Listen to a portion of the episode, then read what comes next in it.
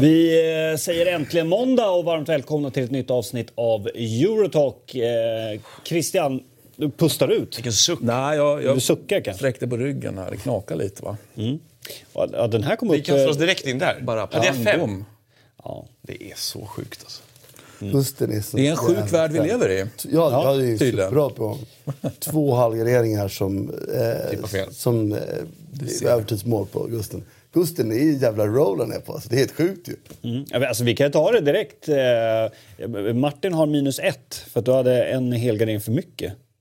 En hel grej för mycket. Ja, Va? Jag bara en grej. en, en halvgardering för mycket. Fem! Kan man dra sig ur? Kan man åka ur innan jul? En halv grej Kanske. Eh, så därav en eh, minus etta på dig. Fan. Men Noah fem. Ja, men vi, måste, nu måste, vi måste om- omgruppera tror jag. Mm. Vi är bara halv, vi är inte ens halvvägs. Ojämna lag. Omgruppera. Bra. Här, en härligt militär term Noah. Ja, som vi kommer tillbaka till. Ja, eller så tar du den Så tar vi nu. kommer det nu, Ja. så slipper vi det här. Eh, jag blev knackad på axeln på tunnelbanan här av Carlos Fernandes som jobbar för vad sa han nu, Är Kustjägarkompaniet. inte det här hemligt det du berättar nu då? Nej, det tror jag inte. När man blir knackad Han på axeln han av en militär, då skulle jag. Säg ingenting om det här. så Fick du kan- ett brev i handen? Nej, han, eh, han hälsa till dem från Eurotalk. De, han, är, han är en stor Eurotalk-tittare och han sa att flera andra där var det också. Och det känns ju skönt tycker jag att vi har hela försvarsmakten i ryggen faktiskt. Otroligt bra för de Det kommer är bra ju- att tänka på om man, om man, om man istället känner för att helt enkelt gå i krig med, Med oss. med Eurotalk. Att, Exakt. Plus att de eh, ska väl få eh, lite större budget också. Det, det, jag skriver under. Det är klart vi gör det. Där, Tur att de inte liksom ska gå runt på det vi spelar in på Europatipset. Nej, Det, nej. det har varit jobbigt. Där, om deras budget var beroende hade, på av det där. det hade Ja. blivit lite mycket närkamp och sånt, men det är de väl bra på andra sidan. Ja, så kanske. att, eh, det kanske, vi kanske spelar dem i händerna. Kanske. Saint Etienne Marseille lottades ju. Det har varit stökigt i Frankrike med protester hela veckan. Så det var flera matcher där som, eh, som ställdes in. Eh, inte alla, men eh, PSGs match eh, bland annat också. Eh, så den, den lottades till en, eh, en etta helt enkelt. Men eh, ja, Gusten är, han är het nu. Han är het nu. Övertidsmål, det har han hela tiden. Fan, makalös. Ett tvåan sved ju duktigt första där med Newcastle faktiskt. Måste säga. Nej men han är duktig också. Det är, kolla snittet, det är riktigt bra alltså. Ja, det är starkt jobbat av eh, Gusten eh, och där ser vi då minus ettan på Ja. Martin är noterad. Eh, Det innebär att jag tappar en på Gusten alltså. ja, exakt. Sjukt alltså. Ja. ja, så är det. 14 efter. Ja. Så jag är 11 för Noah. Säsongen är ja, men det är det skönt att det ändå är lägre. Ni är närmare nedflyttning än serieledning. Men Christian har alltså de senaste fyra veckorna bättre eh, snitt än vad Noah har. Då. Ja. Ja, jag har ett uruselt Serie A-snitt. Det är värt att konstatera. Nu, För jag är svår just nu. Ja, men jag, jag, jag, jag, jag möjligtvis att jag gamlar lite också. Det är just, så är det ju. Jag är ute efter kanske och, och, och vissa tecken och så. Va? Jag säger inte att jag är många mål ifrån hela tiden, utan jag är, eh, det är liksom inte två Nej, jag, tecken har, bort. jag har Utan, lagt halvgarderingar på Serie A uteslutande och därmed också ganska bra där. Men, men ett rätt av fem, det kan man ju säga både det ena och andra om. vilket var det då? Ja, vilken var det jag satte? Jag satte det var ju Empoli jag satte. Det var ju ett hyfsat sent mål. Lagomina! On fire! Är det ex eller? Nej, ex Palermo. Ex Palermo? Palermo vann och Lecce kryssade den noterade. Mm, precis. Men de kampen i toppen där. Sällskapar ska ju inte kunna vara någon kamp faktiskt. Nej, det, kanske men men eh, jag ser det mest att de har sällskap i toppen. Och Att Palermo bör vinna och Lecce bör göra... Två går upp så då spelar det ingen roll. Ja, jo, men fan det är, det är tidigt på säsongen. Men det, det ser bra ut. Nu spelar de inte så bra, men förlorar inte. Det är viktigt. Perugia var riktigt bra.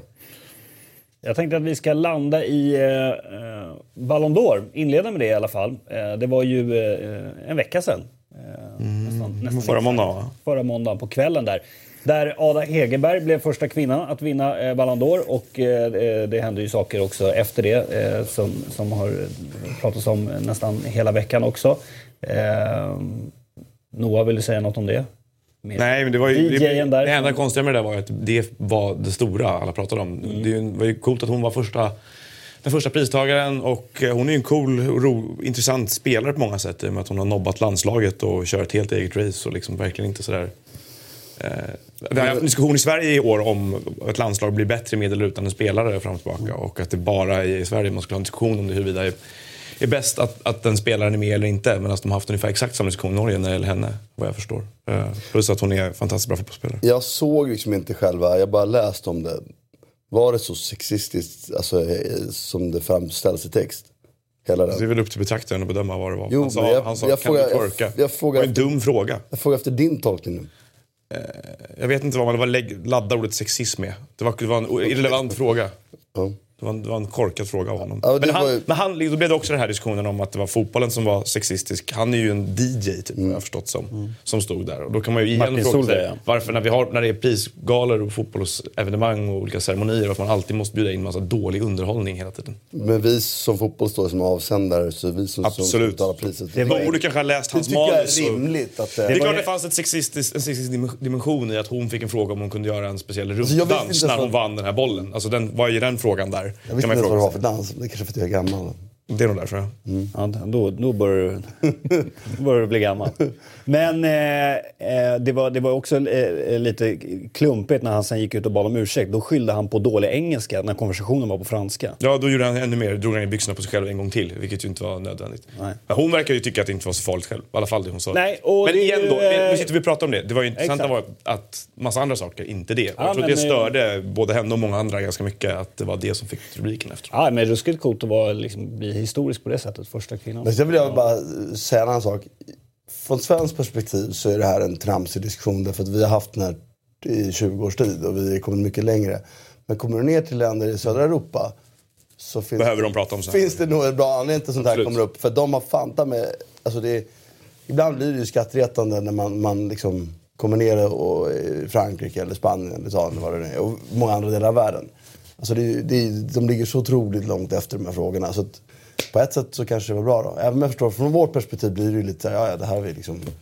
Ja, men varje gång det finns bereds plats i rampljuset så ska det där, där diskussionen hamnar på något sätt. Tycker det, det må, måste komma en tid där man kan prata om damfotboll på ett annat sätt också. För jag, okej, och det är kanske jag som inte har koll på den utländska, disku, eller dis, utländska diskussionen. Diskussionen i utlandet på samma sätt. Men jag tyckte det var befriande att jag såg en hel del typ namn och journalister och tyckare från länder. Och som jag, liksom, mig vetligen aldrig har lyft sådana här frågor tidigare. Nej, men så var det Och nog. det var, tyckte jag var, var vänta, det, här, det här, nu pratar man om effekt. Om det där Sverige gör saker med 10 miljoner invånare uppe i norr där ingen bryr sig. Mot när det typ i centrum av fotbollsvärlden gör det. Det tycker jag är stor skillnad. Absolut. Sen håller jag med om att det var beklagligt om det är det enda som har pratats om. Modric vann eh, då eh, herrarnas pris eh, på, på förhand. Jag vet att oddsmässigt var det ju typ eh, 1,25 på att han skulle vinna. Så att det, det var ju liksom... Eh, Ja, det läckte ju som vanligt. Att det är spelbart är ju sjukt faktiskt. Alltså fattar du hur lätta pengar det där är? ja. Ja, det räcker med att ha en kulturprofil på insidan. Så, exakt. så, så är du home free. Va? ja, exakt. Fast man vill inte bli ihopkopplad med en kulturprofil med tanke på vad den kulturprofil kanske gör i övrigt. Kulturprofil. Ja, eh, och eh, det här är ju såklart, det här är ju diskuterat i och med att det, var då eh, klart för många vem som skulle vinna det här i, år på herrarnas sida så har det ju diskuterats länge och det har ju även diskuterats under veckan. Vad tycker ni om att Modric får priset?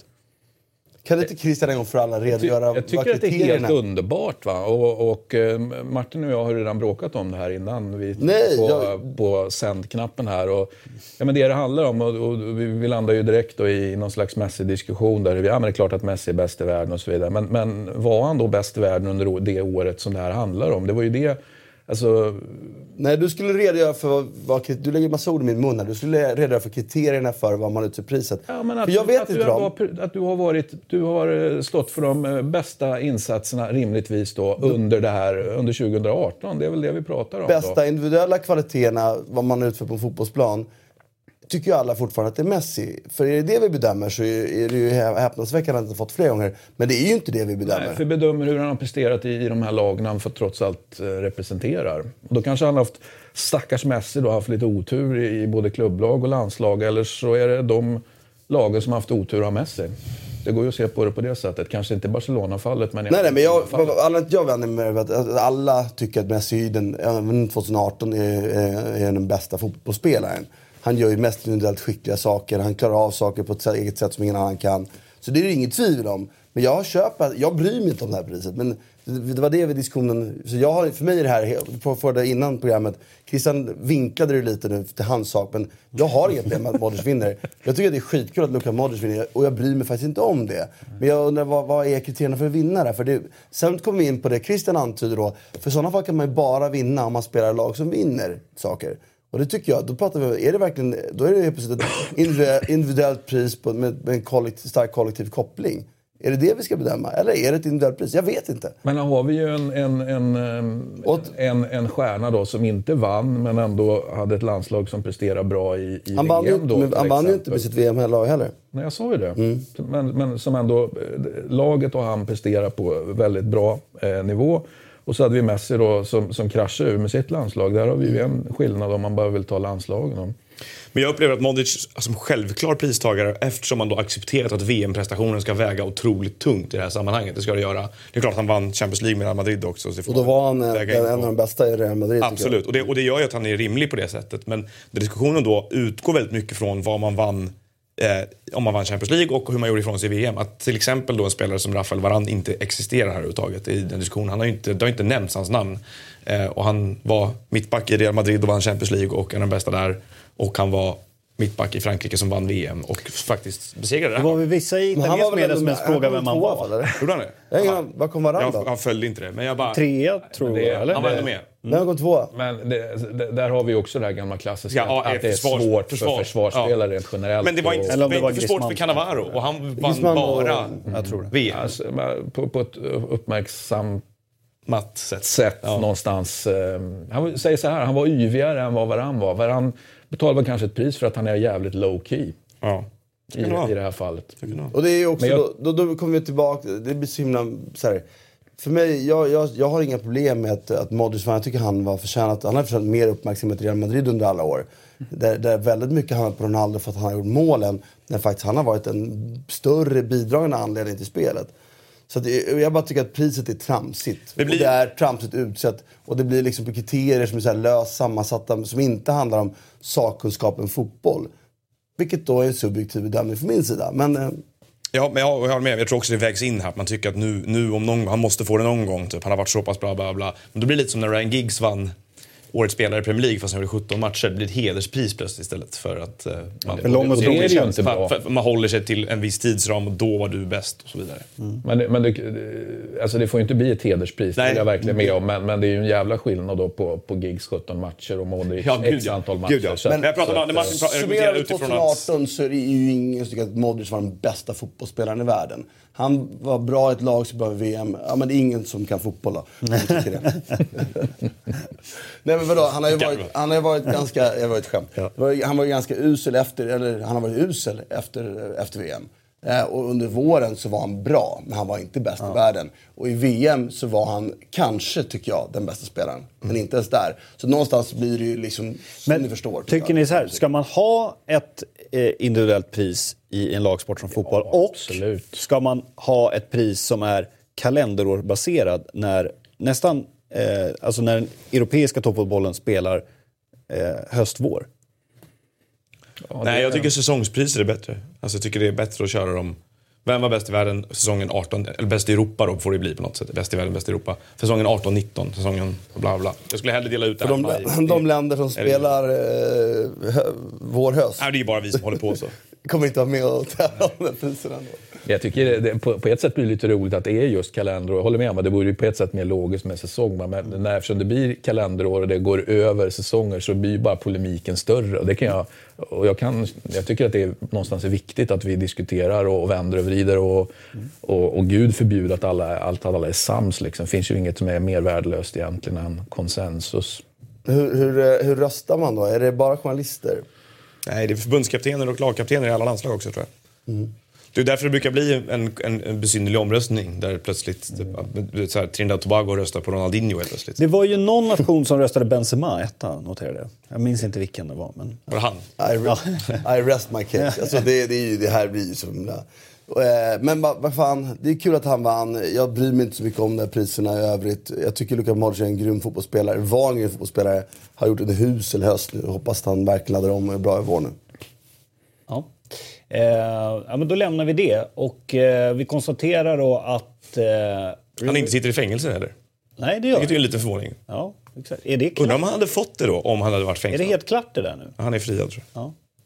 Eh, nej, men jag tänkte att vi går vidare och... Eh, Den kopplingen är egentligen otroligt mycket värre än allt man pratar om någon, Ronaldo som är en liten spottstyver mot den... eh, Men Mamic... Eh, Ja. Alltså om nu... Hur, alltså, där, hur, där sig Modric var ju lite, egentligen en pusselbit. bricka i, i Ja, spelet. det vet vi ju inte till vilken grad han har ändå varit med och byggt upp. Men jag håller med. Och han är förmodligen så här, Modric har ingen möjlighet att göra, om han nu är en större bricka, så har han förmodligen ingen möjlighet att göra något annat heller, givet den press som kan liksom.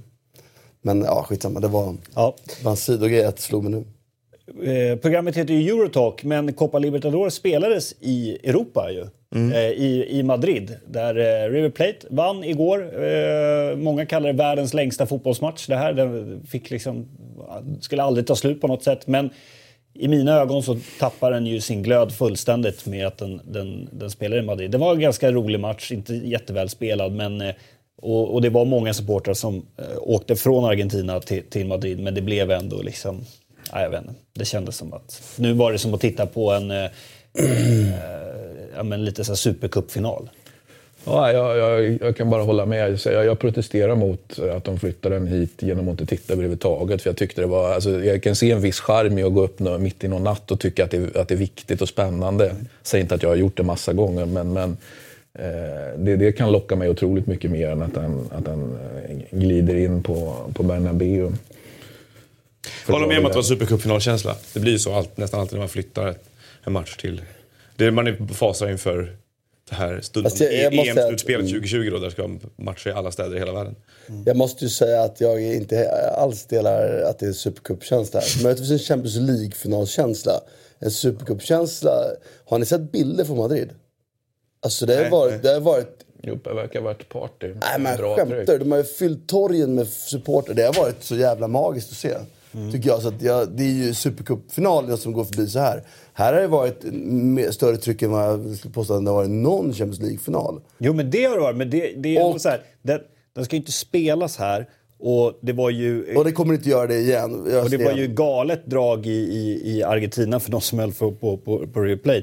Men ehm, jag menar, alltså, när, man, när jag såg första matchen, och nu åter, det var, jag är bara en tv-tittare i det här sammanhanget, men när jag såg första matchen så var det ju liksom, uff, det, det är det här. Det är det här jag vill se, det är det här jag vill uppleva och jag önskar att jag var på plats. På den, här var det så här, jag hade inte velat vara på plats här. Men då svarar jag så här då. Vad, vad tycker du de skulle spela istället? eh, någonstans, helst Argentina, någonstans Sydamerika. Ja. Okej, så en kontinent köper jag. För det var ju omöjligt att spela på... Alltså det, jag förstår Bocca inte kan acceptera att spela Monumental. Ja, men det- absolut. Det, det, det, det är ju Absolut. inte slutet. Så att matchen skulle flyttas, det var ju givet. Liksom, För det, det, är en, det är en politik, liksom. det måste göras det. Efter att Bocca blev utsatta för, blev bedömda och bortdömda för 2015. Så att den ens spelas är ju en del. Och då kan jag tycka att det är en uttryck... Alltså, så att, möjligtvis då en annan del på den kontinenten. Men eh, ja, det, så det har inte ett stort problem med att det blev i Spanien heller. För kopplingen till Spanien är ju så stor också. Ja, skulle det spelas någonstans i Europa var väl det bra. Men, Ja. men det håller jag med om. Men jag hade också jag hade bara Christians intryck. Då ska jag säga att jag följde det med ett halvt öga. Så jag är inte riktigt Jag jag är inte matchen kvalificerad. såklart. Ja, nej, det, det gjorde jag med. Och, men håller du med om att de var inte särskilt välspelad? Nej, men det, Det beror ju på vad inte. man jämför med, Det är ju inte men- det. Dels är det ju, alltså, ser man Copa Libertadores så ser man ju skickliga individuella fotbollsspelare. Eh, alltså väldigt skickliga på en touch och med, med grejer. Bra fart eh, individuellt. Eh, men vi ser också problem med det kollektivt. Så är de, ju, de sitter ju inte ihop som europeiska lag gör, inte i närheten av det. Eh, och det är ju en galenskap som inte europeiska lag någonsin skulle tillåtas att ha. De, är ju, tydligt för mig under matchen, de är längre ifrån, än, alltså jag har ju ändå sett möten de här lagen emellan i 20 års tid, då och då. Eh, och de har aldrig varit så här långt ifrån varandra i kvalitet. Jag har suttit och sett City-Chelsea dagen innan och så bara ser den här matchen, man bara Ah, fy fan. Det här var ju typ som att se City Chelsea juniorlag igen. För så jävla stor skillnad var det i spel. Och då är inte den individuella kvaliteten främst det jag syftar på. Utan det är det här kollektiva som skiljer. Med det sagt så är det en jävligt rolig match att se ändå tycker jag. Liksom. Med, med den intensitet och, och idioti och briljans som ändå fanns. Liksom. Alltså, de, de bitar jag såg, jag såg framförallt mycket på första halvlek och så såg jag lite på andra. Men då tycker jag att det var de här inslagen som jag kan störa mig på med spansk fotboll. Att det är lite för mycket fokus på just, som du sa, på jag vet inte om det är intensiteten som gör det, men det blir lite för teatraliskt emellanåt. Lite för mycket avblåsningar, för mycket frisparkar, för mycket tjafs liksom vid sidan av. Där jag vill att spelet ska flöda mer istället. Och det är väl att, antingen att jag är en ovan liksom, konsument av sydamerikansk fotboll eller så eller så är, jag, är det bara en smaksak. Men det blir ju också lite så här, eftersom de, de spelar så, ändå, så tycker jag då, eh, de ligger långt efter. De ligger längre, längre taktiskt efter än vad de någonsin har gjort, tycker jag. Så blir det ju väldigt, väldigt tydligt också när målen faller. Hur liksom, de administrationerna är. De är väldigt uppkomna ur saker som aldrig hade varit ett problem i Europa, flesta europeiska lag.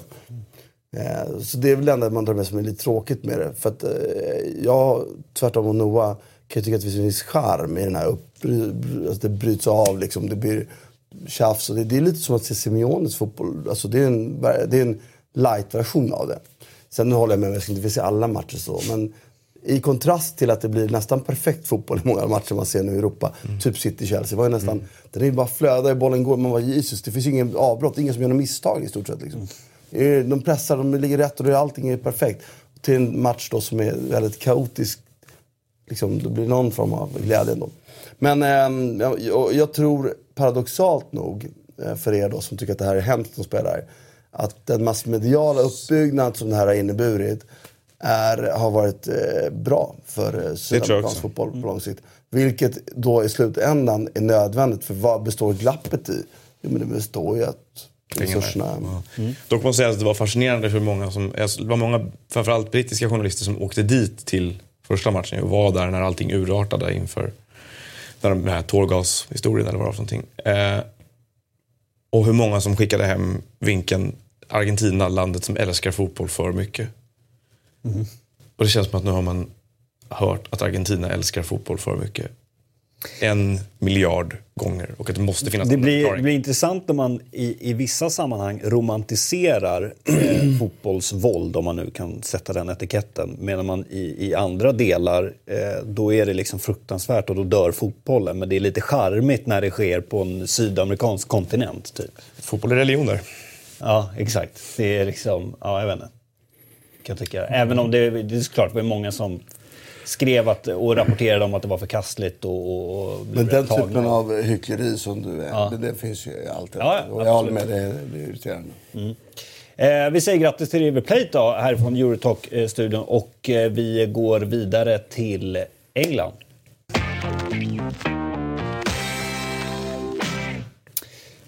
Där vi hade Chelsea eh, mot Manchester City eh, och eh, Martin var på plats och kommenterade. Och du sa precis här nu att det var liksom i princip perfekt fotboll.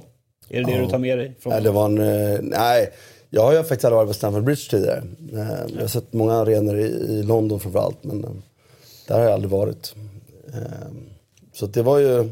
Gillade du arenan? Jag tycker det var grymt. Jag tycker läget var fantastiskt. Det är det som är det bästa. Man bor i den stadsdelen och kunna gå till arenan eller tog en kvart att gå till hotellet efter matchen och ändå bo på, inte bo på... För det kan du göra. Men då bor man på något så här som San Siro, Melia, helt ocharmigt ute i ingenting. Mm. Här bor man ju mitt i stan på ett bra hotell. Liksom.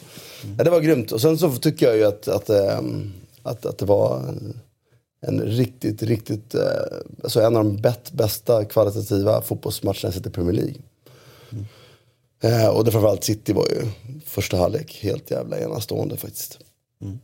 Ja, det är ju sjukt att de inte, att de inte omsätter det i ett ledningsmål faktiskt. Innan. Och där måste jag säga, vilket man inte, det hade varit svårare att se om man inte var på plats. Försvarsspel som Chelsea spelar är fanta med prickfritt. Alltså det är så mycket bra när de faller i rätt ytor och grejer. Som det, det, det kan du aldrig få se på samma sätt när du ser på TV. Liksom. Och det blev jag lite överraskad över. Jag vet ju att Sarri jobbar väldigt mycket med sitt försvarsspel. Alltså extremt mycket. Det, och är svinhård med det. Men eftersom han alltid viktar sitt lag offensivt så liksom, kommer det aldrig framträda på samma sätt. Men i en sån här match då, när de faktiskt inte fick loss bollen, så blev det ju väldigt tydligt att, att, den, att försvarsspelet eh, satt otroligt, otroligt bra. Kollektivt och sen då individuellt och som alltid lite nyckfullt med spelare som så var det ju och det kanske Aspelkueta är den absolut bästa. Alltså, Ja, han var ju- han, alltså, han, han är långsammare än båda de här yttrarna han möter.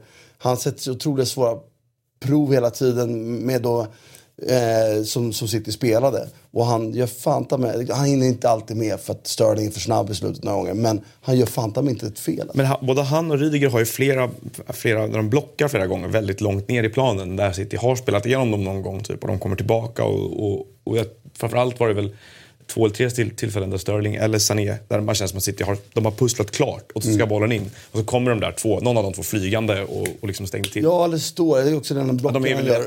när, när Sterling vänder bort Alonso ner på kanten och så spelar in den till Sané. Så får han bort i stolpen. Mm. Sättet som Aspelkueta kommer ut då. Utan han, han rusar inte utan han kommer närmare. Han tar sig närmare. Och sen när han då blockar skott så det är ingen fläkning utan han kryper ihop som att liksom Går förbi mig så ser du var den är, men tar den mig så, tar, så ska den inte gå igenom. Går den mot mig så, så är den blockad. Mm. Fantastiskt liksom, tur, turligt till viss del, men också bra försvarsspel. Men sen rämnar ju City struktur i andra halvlek tycker jag, ganska hårt. Ah, fan. Under 20 minuter i andra halvlek spelar Chelsea riktigt bra. Då spelar de ur, de hade en lösning de, när, när Sané, eller förlåt, eh, Kanté inte droppar ur som han gjorde första utan han droppar ur och öppnar upp. Och det måste de prata om i halvtid. Så sätter de upp bollen så får han bollen i andra skedet. Och det gjorde de bra några gånger Chelsea som gjorde att de tog sig ur Citys press mycket bättre. Eh, och det i sin följd, andra änden är ju tydligt tyckte jag. Då, där, där har ju Chelsea ändå, de spelar ju bra fotboll. De kom ju till några chanser där i början av andra halvlek. Men sen sista 20 så är det ju bara City igen. Med en skillnad. Jag tyckte han gjorde ett jävligt märkligt byte som tog ut eh, Sané och Ben Mahrez. Mm. För Mahrez är inte... Jag tycker det enda sättet de kommer till målchanser på slutet är ju när Sterling bryter mönstret. För att han, han gör ju inte rätt beslut alltid. Man är så jävla duktig mot den så att han kommer till någonting. Haft honom på en kant, Sané på en kant. Då hade de kunnat bryta ner det här lite lättare. För de här fickorna de hittade första halvlek, de var ju helt stängda andra halvlek. Inte, och så spelar de lite fegt tycker jag. Och Gündogan är inte lika bra på det heller att hitta de här. De hittar ju inte in en enda gång de sista 20 minuterna. Eller en. Laporte hade en passning. Men en enda gång på 20 minuter när de hittar in i fickorna. Annars spelar de utanför Chelsea hela tiden. Och då hade man behövt, för då tycker jag Mahrez blir lite blek. Han är helt enkelt för dålig hemma mot den. Då måste de ha de här, alltså typ Coman som hade Ribéry. Han använde i, eh, Douglas Costa i Bayern München. Sané, Sterling. De här spelarna som, direkta i- som, som kan attackera oavsett om det finns ute. De bara kör liksom. Men jag undrar, jag undrar, om de hade, jag undrar vad som hade hänt om den här matchen hade fallit sig. Om de hade haft Agüero med. För att det känns som att de saknade honom lite grann. tycker Jag tycker Jesus är för svag. Inte en för- anfallare från start från något av lagen. Nej, Jesus kom ju in igen. Men han, han, han imponerar väldigt sällan. Alltså. Det, är, det är någonting med honom. Och framförallt den här säsongen har det varit väldigt svagt ganska mycket. Ehm, jag, tänkte, jag tänkte på det i, framförallt mot slutet när de forcerar. Där det, och det är många tillfällen i matchen där City pusslar runt boxen och bollar kommer in. Men nästan alltid ett Chelsea-ben före där Agüero ibland kan vara smartare och vara den som suger åt den. Ehm, sen ska jag säga att jag tycker Sané, Sané är ju i ett hiskeligt slag. Alltså. Han är så Absolut, fruktansvärt bra. Han är så, det, var även, det var inte bara här, det var även i, i matchen tidigare i veckan som, som han, har varit, han har varit helt fenomenal på slutet. Och kan inte undgå att lägga märke till Hazard efter matchen. Jag vet inte om ni såg intervjun med honom där. När, han fick ju starta då som någon sorts falsk nia eller vad man vill kalla det för i Chelsea. Och de tar ju en väldigt, väldigt viktig seger med tanke på vilken vecka de har haft efter förlusten mot Spurs och sen förlorade mot Wolves också. Um, och rycker upp sig och det är glada miner överallt. Och Hazard får frågan att hur kändes det att spela centralt här och, och, och i den rollen. Och han gnäller liksom lite. Han tycker att det var inte toppen alls. Han vill helst inte vara där, så att det var ovant. och Att det var, jag gör det jag måste, typ, eh, bla bla bla. Men det är klart att eh, det, det är genomgående för honom. Alltså, hur bra han än är så är det, återkommer han ofta tycker jag till, till sina egna behov, Hazard. Mm. Jag måste säga att i första halvlek en period då när de faktiskt eh, spelas fast sig hela tiden. Alltså de, jag vet inte hur många, jag sa väl det ett antal gånger i tv att de behövde liksom byta ytan och spela fast sig i Citys press. Eh, och felvänd på kanten fick ju William eller Pedro bollen. I de lägena, man nästan kände ett tag där i första halvlek alltså att han skulle byta plats på någon av dem med, med Hazard. För att Hazard felvänd, hur stor pressen än är, han blir i alla fall inte varje gång han bollen som de blev. Utan tre gånger av, av fyra skulle han få en frispark eller komma loss med bollen. Och det hade Chelsea behövt en period där. Då tyckte jag att det var lite märkligt för att då sprang han på bollar i tomma intet. Men när de väl spelade sig loss sen, då började man ju se varför han skulle spela centralt. igen. tycker också det, ska vi säga, att Luis är inte, alltså Rüdiger, som, jag vet inte vem som nämnde, var ju bättre i positionsspelet i den här matchen än vad Luis Det var riktigt bra. Ja, han var riktigt, riktigt bra. Och, men Luis var också bra och framförallt är det ju Luis som öppnar upp det. Till slut så tar ju han beslutet i en sån yta. På en liten, och det är ju faktiskt en magnifik crossboll han slår. Inte att se den, det är väl en sak. Men att kunna slå den i den ändå hyfsat stillastående med den positionen under den pressen. Och det var ju befriande. Alltså, sen att det råkade bli till målet, det, det var ju liksom... Ja, det var inte det som var det själva syftet. Syftet var att ta sig ur pressen. Och det var han som läste upp till slut. Liksom. Så, och några andra gånger sen då i andra halvlek. Så det var, eh, samtidigt som sagt, skulle de, alltså, från den matchen var när man spelade en halvtimme. Spelar de match om matchen därifrån tio gånger, alltså, så vinner Chelsea en. Det blir två eller tre kryss, två kryss, tre kryss på höjd. Alla andra gånger vinner City. Så att jag håller med Guardiola efter matchen. Han ska vara svinnöjd med den första halken de gör. De, det är så små marginaler från att det står 1-0. Ett skott som inte blockas rätt. Och... Men jag är intresserad av att se de, vad de gör med Jesus. För att han var ju tänkt att kunna vara den spelare som avlastar. Alltså de behöver ju kanske någon... Behöver, alltså de behöver inte ett smack mer än vad de har egentligen. Men, men, det, är ju, men det, det, det, det finns ju uppenbarligen så, det sker en märkbar försämring av kvaliteten när, tycker jag, när han spelar snarare än Agüero, när de vill ha en nia. Någon som ockuperar straffområdet. Alltså han jobbar jävligt om jag håller med. Så han hade tre eller fyra felpassningar. Så här, det känns som att han faktiskt inte har teknisk nivå att hålla det Ja, på det tempot som spelas i. Och det är grym fotbollsspelare för jag vill säga att det är ganska få som gör det. Det var samma sak mot Watford. Jag såg eh, stora delar av matchen mot Watford. Det var, det var, och det är, lite, det är nästan så att det är lite frustration runt omkring dem emellanåt för dem när de, när de manglar motstånd som de gör. Och det faller på att han inte är riktigt är- håller samma Nej. kvalitet. Tidigare under lördagen, eh, första matchen eh, den här omgången, så vann ju Liverpool då mot Bournemouth. De trivs ofta mot, mot Bournemouth. 4-0 och eh, Salah eh, vaknade till liv. Men vad händer här? För han, här, här firar han ju lite. Han har slutat fira helt och hållet. Han gör, alla de andra målen så, så stannar han bara upp. Han säger liksom ingenting. Han bara står och tittar tomt på sina lagkompisar när de kommer mot honom. Ja, Undrar Alltså- vad det är som pågår där alltså. Ja, eh, han har ju haft, eh, alltså, han har inte flugit på samma sätt som han gjorde i, i, i våras till exempel. Kanske finns det en sån frustration och att många har liksom tittat lite snett på, på Salah under hösten. Man är påverkad av alla de här bråken med förbundet. Ja, det också. Men ja, hur som helst var han ju grym här. Men de, de, ehm, de är bra Liverpool alltså. Ja.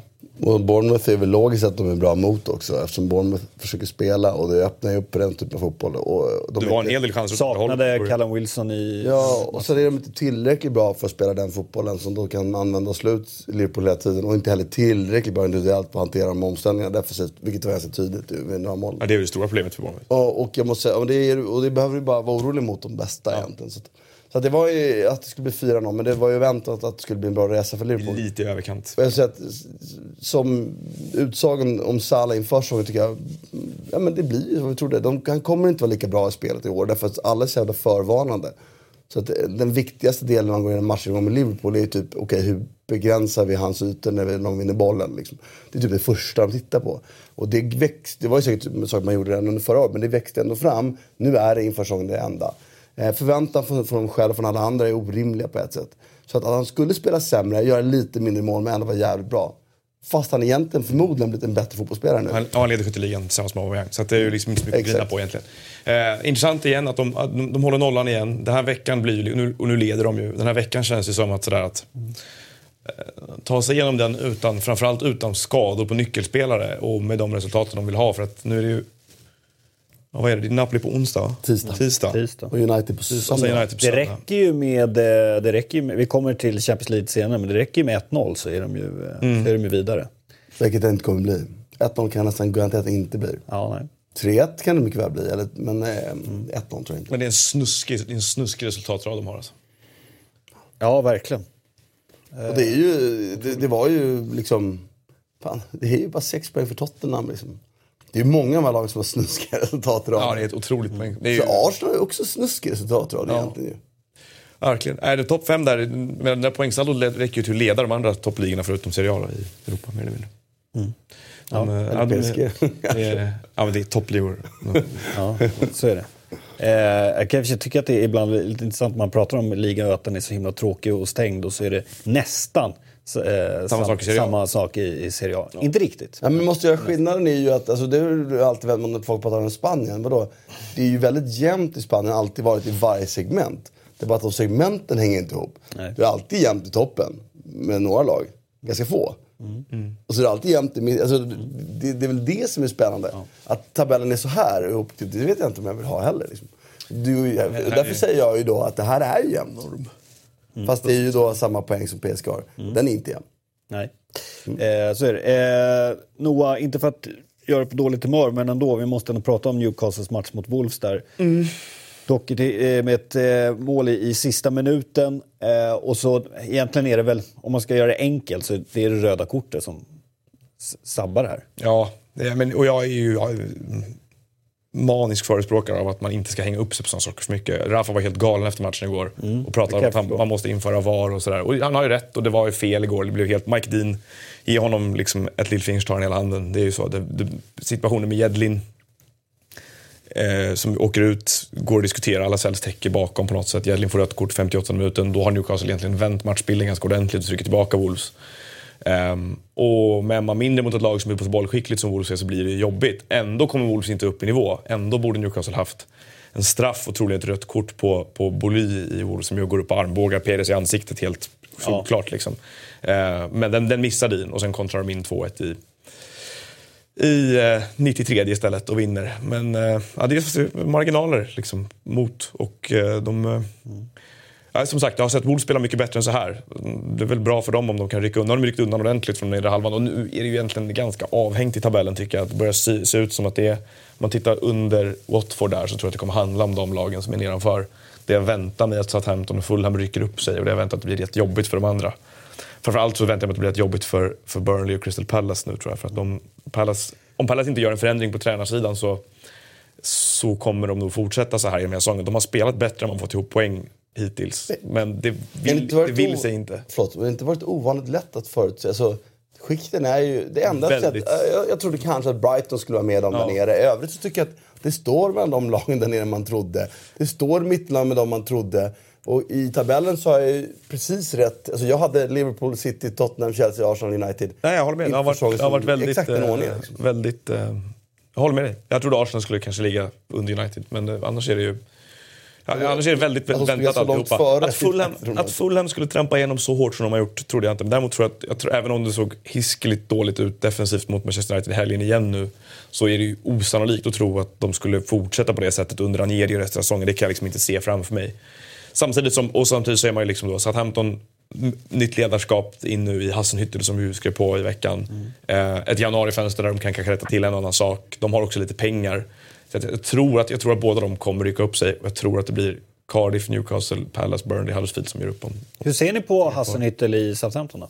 Jag tycker det är sjukt spännande. Alltså, det är ju den typen av, om nu han får det utrymmet och, och det, den tiden så ser det ju en tränare som har en långsiktig idé i alla fall. Och, och är bra på att utveckla spelarindivider, man förstår vad pratar med folk som har insyn på hans jobb. Liksom. Så. Och jag har hört lite olika om honom. Måste jag. säga. Alltså jag har hört dels den ena sidan är den där och, att han, och han gjorde ett väldigt bra jobb med, med Leipzig. Fotbollsmässigt såg det väldigt intressant ut och många unga spelare hade bra utveckling. Keita bland annat kom ju fram där under honom. Eh, det andra jag har hört är att eh, han hade väldigt strama riktlinjer för hur de skulle spela eftersom Ralf Rangnick var sportchef i, i Leipzig. Och då, det vet man ju vilken, vilken typ av fotboll. Det var ju väldigt likt Rangnick-likt på många sätt. Väldigt högt tempo, hög press hela tiden. Ehm, och att han framförallt, hans stora styrka låg i motivera när han var där. Att han var liksom en, hans ledarskap var det som, som, eh, som lyftes fram. Eh, Men att det fanns dubier för hur han själv skulle applicera det på rent fotbollsmässigt, rent taktiskt mässigt. eh, om han- När han kom till annanstans. Men är han inte en taktisk idiot då, så låter det väl helt underbart att han har styrkan i ledarskapet. Och det är väl eh, det är liksom, liksom en modern version av en sån här Ja, eh, räddare i nöden, eh, tränare. Alltså istället för att de tar Sam Allardyce som ju, eller Pulis som också går in och ryter och vinner matcher på situationer så får de en tränare som kanske har någonting mer i bagaget men dessutom kan motivera. Så att, eh, Så jag har fått alltså, så här, för, förklara för mig. Det är en taktiskt duktig tränare, en duktig pedagog, bra på att hantera en grupp från samma riktning. Det låter, tycker jag i alla fall, som någonting exceptionellt bra för Southampton i det här läget. Och resultat, hans resultat talar ju för att han verkligen är, är rätt person. Och man får också säga att själva motivet bakom rekryteringen är ju det vi pratade om förra veckan med Southampton här. Det går ju tillbaka lite mer till att eh, inte fastna i för mycket traditionella hjulspår när man, när man utvecklar klubben. Och de, de vågar blicka mot kontinenten, de vågar eh, att våga plocka, plocka någon som kanske hamnar utanför den konventionella ramen i England. Jag ska bara säga att ett lag som eh, just nu har minst poäng att de spelar i typ Huddersfield. Jag har sett sammandrag från tre matcher där de faktiskt alla tre tycker jag har varit dominanta i sina mm. Och borde ha vunnit de tre. Så att eh, om de fortsätter prestera på den nivån så kommer de börja vinna matcher och då kommer de bli bättre också. Ja, det, de, jag håller med, de har varit bättre än vad de spelat på sistone också. West Ham är ju intressant nu därför att de håller på att få lite mer andrum än vad de är vana vid så här dags på säsongen. Och det, grejen med West Ham har ju varit att, nej inte än. eh, ah, ja. gre, grejen med West Ham har varit, tycker jag, flera år i rad att jo, men det har alltid varit ett lag som har haft, varit, haft förmåga och kapacitet och även tryckt in ganska mycket individuell kvalitet i laget. Det har alltid funnits ja. bra spelare i West Ham. Eh, problemet är att framgången har varit byggd på väldigt mycket formtoppar. Vi minns, jag minns att vi pratade om Bilic och det laget han hade som flög högt att jäklar vad det här kan vara poröst. Alltså, om, det här, om det här krackelerar så kommer de falla igenom och mycket riktigt gjorde de det till slut. Eh, sen gick de ju fel såklart med, med, med Moyes och det blev lite trampa vatten så. Mm. Det intressanta här är ju att jag tyckte jag, tyck jag såg, när jag såg matchen mot, mot Palace i helgen här nu att det är en karaktär på det här laget som inte utgår från att han glidtacklar och kämpar längre. Utan det fanns en, en, kollektiv anda som jag inte har sett i det laget på länge. Och då har de ändå ganska stora skadeproblem också. Ja, och ja, Arnautovic framförallt som var borta. Ja. Och ändå vänder Jarmolenko. de Nu, har, då, så har de det här, de, dels för att de har individuell kvalitet, men då får de också de här som Filip Andersson och Snodgrass mål i den här matchen. Båda de är ju liksom distansskott som är otroligt, kräver otroligt hög liksom, mm. teknisk skicklighet för att göra. Men då kan man inte heller säga att de är, liksom, det är inga slumpmål ändå för de har så bra spelare. Så att de, och de trycker på så pass mycket tycker jag att de ska, att de ska vända matchen, vilket de gör. Så att jag, jag, varningens finger för att West Ham kanske är någonting på spåren ändå här. Jag tyckte att de såg så fruktansvärt dåliga ut i början på säsongen. Men... Jag vill minnas att, jag minns inte vem, men det kanske var flera som sa det i början av säsongen att just Ja, med, med Pellegrini, att det, det, det, kan vara ofta lite trögstartat och, och, och sen eh, trummar igång. Och nu väntar det, det är också lite lättare schema de har nu också. Så är, det är men, logiskt att de... Lättare schema, de har tre mål, tre matcher i rad. Eh, det är väl att de fortfarande behöver rätta till vissa saker i defensiven kanske. Men det kommer ju också ett fönster för att göra så småningom. Här, så. Mm. Ja, de såg bra ut. Ja, eh, vi, vi, pratade Chelsea City tidigare. Eh, efter eh, matchen, eller eh, rättare sagt igår, så la Raheem Sterling ut eh, en, en inlägg på, på Instagram. Eh, där han la ut eh, två printscreens från, från Daily Mail i eh, hur man väljer att bevaka eh, och rapportera om svarta och vita spelare. här är det ju då Eh, en rubrik med Young Manchester City Footballer 20 eh, som tjänar 250 000 eh, i veckan splashes out a mansion on market för eh, 2,25 miljoner pund despite having never started a Premier League match. Och sen är det eh, en bild på Eh, vem är det nu? Om det är... Vadå, vadå? är det... det här är en ny artikel om någon annan, det är inte om Sterling. Nej, men det, det är, är de sura för att han har... Alltså, ja. ja men den andra bilden är på om det är, om det är Stones eller Foden. Och så står det att han, han köpt en, en, eh, en lägenhet till, till sin mamma för ja, två miljoner pund. Eh, den här spelaren har ju förmodligen också köpt det till sin familj. Eh, det var men, svinbra att de lägger pengar på sånt istället för ja. Någon jävla och, yacht Och kontentan är också att Sterling har ju, det finns speciellt från The Sun, det finns The massvis med artiklar där man rapporterar om honom att han kör runt i en, en smutsig, dyr bil. De har fotat och han kör en smutsig Mercedes. Eller vad det är. Han äter han är sur när han äter frukost. Och... Han åt frukost fast han inte vann Årets unga spelare. Ja, något det, alltså, de vänder dem sådär hela tiden. Det, helt, med... det här har gått med helt... Nej, men det finns, det finns otroligt många om det finns, en bra, det finns en väldigt bra tråd på Twitter som vi kan dela ja. från Eurotalk-kontot mm. sen kanske, för de som vill titta, med en sammanställning av Sterling-vinklar genom åren. Som är, som du säger, utgår, vad han än gör så hittar de ett sätt att porträttera det som att han är en bortskämd slyngel. Som, eh, och det, det, bästa exempel, mest talande exempel som ofta lyfts fram här, som Sterling mycket riktigt lyfter fram själv också, det är att han har haft en karriär som varit ganska parallell med Harry Kane till exempel. Och det går ju att se då hur det har rapporterats om de två parallellt. Där när Kane friar till sin fru så är det till sin childhood sweetheart. Och när Sterling friade till sin tonårsförälskelse så var det long suffering fiancé istället. Tillbaka. Mm. Liksom, de, har, de hittar hela tiden det. är sant. Och eh, det är så genomgående att om man tittar på mm. om man går igenom de här, de här eh, löpsedlarna som framförallt är från The Sun, Daily Express, Mirror och eh, Daily Star tror jag det är i huvudsak. Daily Mail också. Eh, så är det ju det går inte att undgå att det är ett tema. Alltså, det går inte att undgå att det är en häxjakt på honom på något sätt. Det här ställdes ju mycket på sin spets i somras där eh, och även efter EM 2016 när han fick bära bära hundhuvudet för att England hade misslyckats. Så han blev en sorts symbol för den nya bortskämda brat. Liksom, eh, kulturen bland unga engelska fotbollsspelare som eh, levde ut sin, sin stjärnstatus istället för att prestera. Eh, faktum är att Sterling liksom inte på något sätt borde vara en symbol för det. Tvärtom så är det ju liksom en exceptionell meritlista med tanke på hur ung han är och inte gjort någonting vid sidan av planen egentligen som är fel. Det var en annan grej till. Han, jag minns minns han tatuerade in ett vapen på, mm. på vaden. Eh, ett automatvapen tror jag. Eh, och då ser man inte hela tatueringen på bilden men han skrev ju själv sen i efterhand att det var för att hans pappa blev mördad i ett, i, eh, en, ett, skjut, ett mord med skjutvapen då när han var ganska ung och eh, han har lovat sig själv att aldrig röra vapen och den här, den här tatueringen var en symbol för det. Jag tror att det är någon text till eller någonting och, och den skulle liksom då påminna honom om det. Eh, då Istället då så hade, tror eller Daily Mail hade rubriken eh, “Sterling shoots himself in the foot” var rubriken och en bild på den här tatueringen. Och en sidovinkel på ett dubbelmord i London där det stod eh, två, ytterligare två unga människor mördades i helgen medan Raheem Sterling tatuerade ett vapen på. Alltså man kopplar liksom Alltså, han blir till och med vapenvåldet ska han, för han stå, stå ansvarig för på något sätt. Sådär. Jag fattar inte. Och den breda... Har du skrivit i svensk media om det här? Ja, jag skrev om det i somras under VM. Mm. Eh, och det har andra gjort också tror jag. Men, men det är intressant då att det ställs på sin spets för att det finns ju då liksom en mer internet eller digitalt baserad fotbollsjournalistik i England som har tagit strid mot det här ganska hårt och pekat på de här kolumnisterna, jag tror att Martin Samuel på Daily Mail är en sån som har varit en återfallsförbrytare till exempel. Eh, och sagt att vad håller ni på med? Liksom det här, den här skuldbeläggandet av honom och att han gör sitt offer hela tiden är helt obegripligt.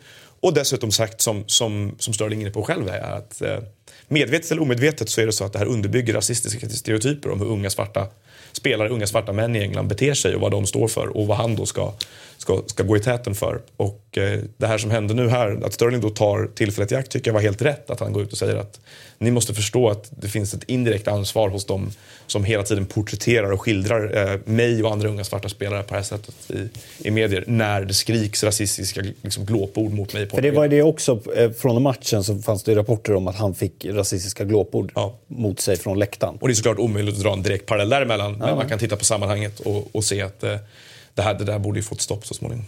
Mm. Ja, nej, det, det, det, det är stundtals fullständigt bisarr Men den här tråden, eh, jag tror att retweetade den igår. Om vi vill lägga ut den så kan man titta. Det är ganska intressant. Mm. Ja, det finns, och där man tror nästan så här, man tror att det är photoshopat. Alltså, man tror inte att det är sant. Ja, det, ena, ena, ena dagen är det ju att han är, han är slösaktig som köper ett hus till sin mamma. Eh, eller en ny, nej, det var inte ens det. Han har köpt en ny, ett nytt handfat till sin mamma. Ja, det, var det, var, det, var, det var för girigt gjort. Och dagen efter så är det vad han eh, tjänar jättemycket pengar men åker ändå med EasyJet när han flyger. Ja. Så att liksom, för snål eller för... Ja, eller spendera för mycket pengar. Ja, eller, ja. Ja, alltså, är, är, han inte rätt skötsam? Eller? Alltså... Jo, jag tror inte han har det. Mm. Ja. Jag tänker, spelar man, presterar man på den nivån han gör i ett lag Guardiola har, kan jag tänka mig att man är ute och stökar allt för mycket. Liksom. Nej. Ja, nej, det... Och bra att de lägger grejer på fastigheter. Istället för ja, bilar och grejer. Ja, det är världen som består i alla fall. Istället för att köpa en bil för tre miljarder. Vitvaror åt alla. Ja. Eh, ja. Ja, jag tänkte att vi ska gå vidare. Det händer mycket i intressanta matcher i Italien, Christian. Det gör det ofta det. Ja, ja det gör mm. ofta det. Så vi, vi går vidare till Italien.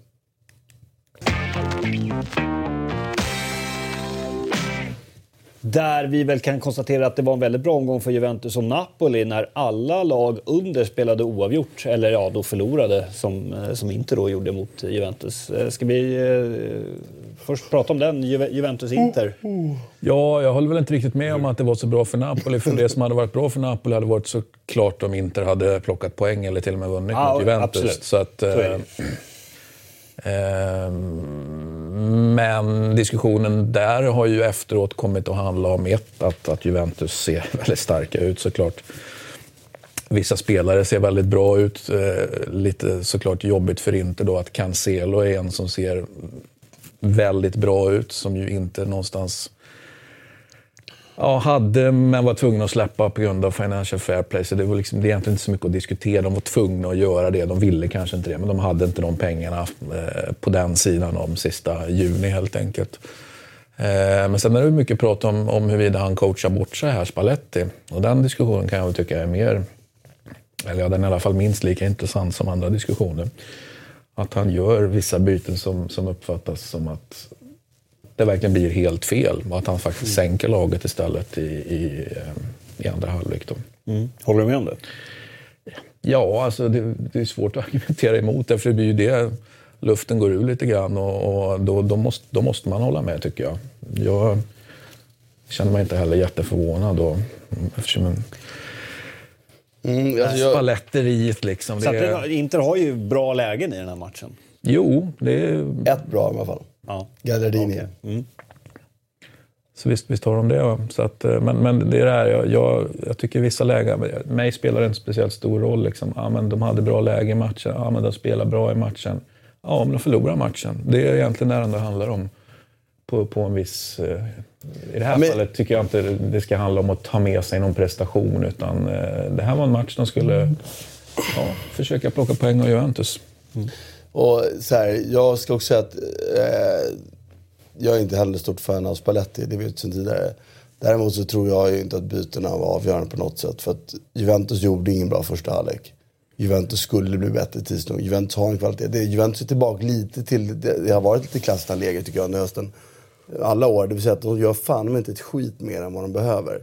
För ett tag, tidigare under hösten har de faktiskt, det här året, har de spelat riktigt bra. De har ju kört över United på bortaplan och hemma till exempel på sätt som man sällan ser dem göra.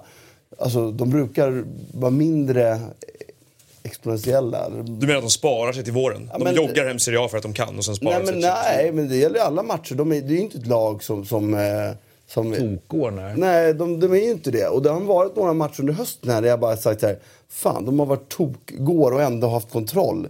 Jag tycker några matcher under hösten har varit så här, fy fan vad bra, så här bra har jag inte sett Juventus spela. Jag vet inte någon gång. Så det här var lite mer tillbaka till gamla synder i den aspekten att jag tyckte att det var faktiskt lite okoncentrerat. Det var inte, var inte fullt påslag. Och med vilka byten den inte gjorde kände jag att det här kommer Juventus bara växla upp nu andra halvlek.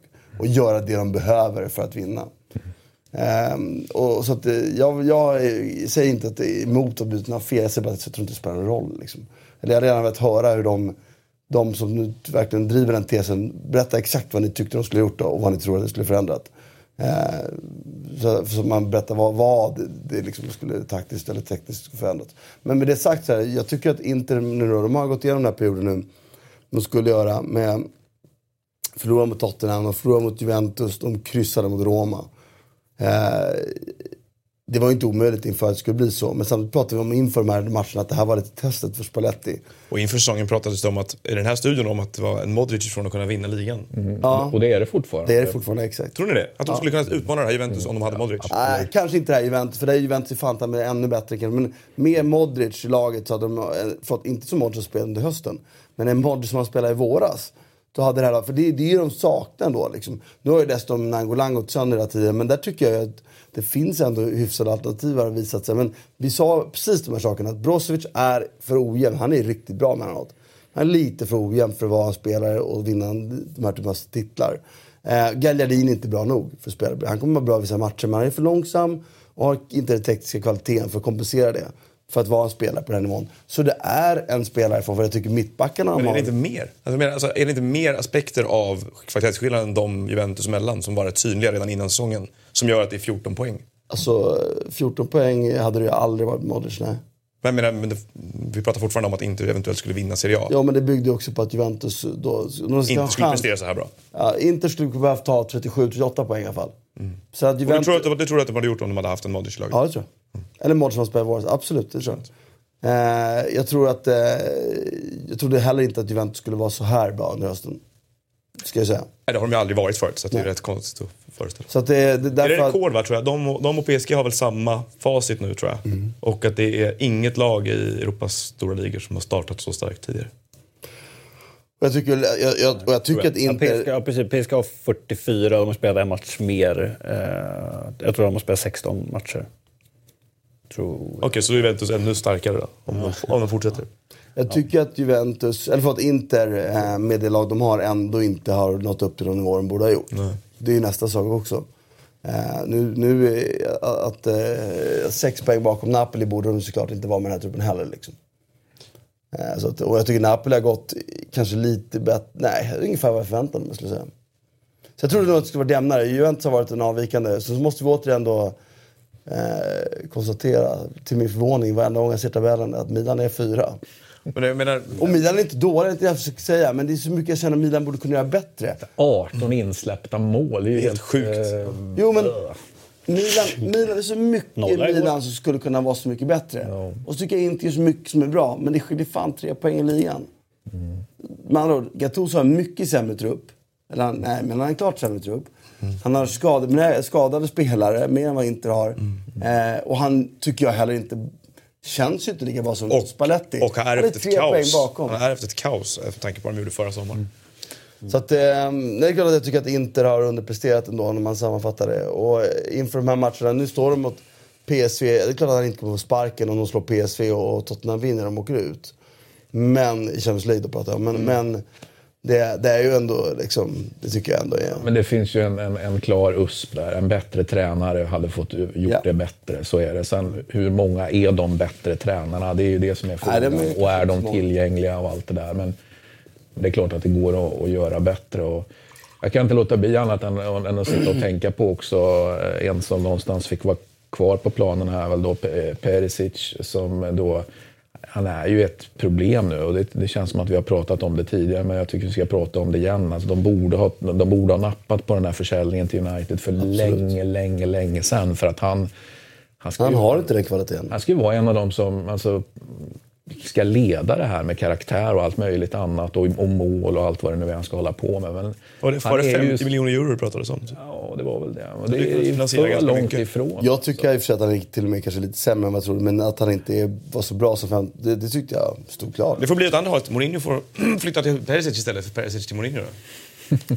Så vi. är det någonstans jag tror att eh, Mourinho nu skulle kunna lyckas så är det fan ta med Inter ändå. Liksom. Så det skulle ju vara spännande. Du tror inte på comebacks men det finns... Jag, så här, Nej, men säger så här, en sån... comeback eh, under rätt alltså, förutsättningar är alltid bra. skulle Ja, jag vilja kan vara spännande. Och sen måste jag också säga då att jag tycker att, att vi, vi, vi, vi eh, klankar på, på, eller jag klankar lite på Torino men fan vad bra de var första halvlek igår då. Liksom, det är ju... Men det de finns ju också något provocerande med deras 5-7-3. Det vill säga, det- ja, men det är ju helt okej efter 15 omgångar och du är Turin, och- eller. Torino och har bara förlorat tre matcher. Men så har vi de där liksom, otroliga... Alltså, det, det går inte annat än att bli... Mazzari. Eller? Ja, det kan vara så enkelt. Och nu blev han ju, nu blev han ju uppvisad igen eh, och eh, trots att han hade varit- legat på sjukhus nyss och kanske skulle ta det lite lugnare så han har ju liksom ingen... Det är hans svaghet, det är att han inte han är för feg för att vinna de här, ta de här stegen. Mm, Men jag tycker ändå första halvlek så jag tycker de är lite o, eller oflytt är det ju inte för Donnarumma räddar ju. Men det är ju två jävla superräddningar så står det 1-0 till Torino. Och Mm. Sen skulle Mats Harry i och för sig ha varit- varit för feg för att ha hem det ändå. Men ändå, jag tycker att det är, jag, jag gillar ju, det är, ju, det är, det är ett fint bygge lite i skymundan liksom, som ändå växlar upp. Ja, Så väljer jag då inte ens prata om Romas kollaps för det orkar jag inte ens. Han får väl gå nu, eller? Ja, han räddas väl av att det spelar Champions League, så kan vi väl säga. Igen? Har inte- har vi inte varit där Annars- förut? Ja, det är mycket möjligt att vi har varit där, men, men nu känns det som att det bör vara nära. Men det beror ju också på vad alternativen är. Och alternativen sägs ju vara en comeback av Montella eller då eh, Paulo Sosa. Känns de klockrena? Ja, det kan man ju Det verkligen var fundera intressant, man på. såg eh, eh, när jag kollade på highlights från Cagliari, eh, Roma och eh, är det Marcus Saul som trycker dit eh, 2-2. 2-2. Och då, eh, då zo- zoomar de in DJ och så står han bara och ler. Det är som att, och leendet var så konstigt leende. Det var nästan som att så här, det var vi som hade kvitterat. Alltså det var, det var så ett svårtolkat förstår, det leende. var ju overkligt. Jo, jo, det är overkligt och det är två röda kort innan och, och allt där och, och eh, Robin Olsen som inte mådde kanske helt bra efter den där tacklingen eller vad man nu kallar den. Men eh, det, det var så här, alltså hade jag varit Roma-supporter och sett det där leendet, jag förstår ju att han också tycker att det är en helt bisarr situation men alltså jag, uff, jag hade varit så förbannad. Ja, ja, men jag förstår. Men han är väl förtvivlad innerst inne. Ja, det är klart han är. Det är inte så att han står där och njuter på något sätt, Han är, jag kan se en viss charm i att han faktiskt ler Ja. eh, på sitt... Berizzo var väl Monchis sista rekrytering i Sevilla? Va? Var det inte det? Ja, och du vill säga nu att han är ledig Ja. och tillgänglig. Ja. Ja, men vi har spekulerat i det att Monchi kan ha något eh, spanskspråkigt eh, I rockärmen? i rockärmen då. Och det är ju kanske... Ska i få en chans eller Han pratar till, alltså? portugisiska, men... eh, Det har varit, det har varit underhållning. Ja, nej då... Det har varit fel, tror jag. Sagnoli det fortsätter ju här, ändå se bra är, ut. det här är fortfarande... Absolut, det är ju den, en av de positiva grejerna med För hela Italien liksom, som med är- den typ av fysik han har. Ja, men en superstor överraskning. För jag menar, han kom från Inter här och, och var bara en sån här... Alltså, hej, för mycket pengar. Alltså det var ju mycket, han, var, han är övervärderad, i, fast det är han bara för att han ingår som en del i ett, ett större utbyte av spelare. Men nu, nu framstår det ju mer som att det här var bra Monchi. Det är Det var väl typ det enda bra han gjorde då. Nej men vadå, det är så här, han har ju... Det är en trupp som det finns otroligt stor utvecklingspotential i. Ja. Mycket riktigt fin talang sitter i den truppen. Mm. Och det är klart att man inte ska säga att det borde gå bättre än nu. Men, men jag, jag tycker ändå att han har flyttat fram positionerna.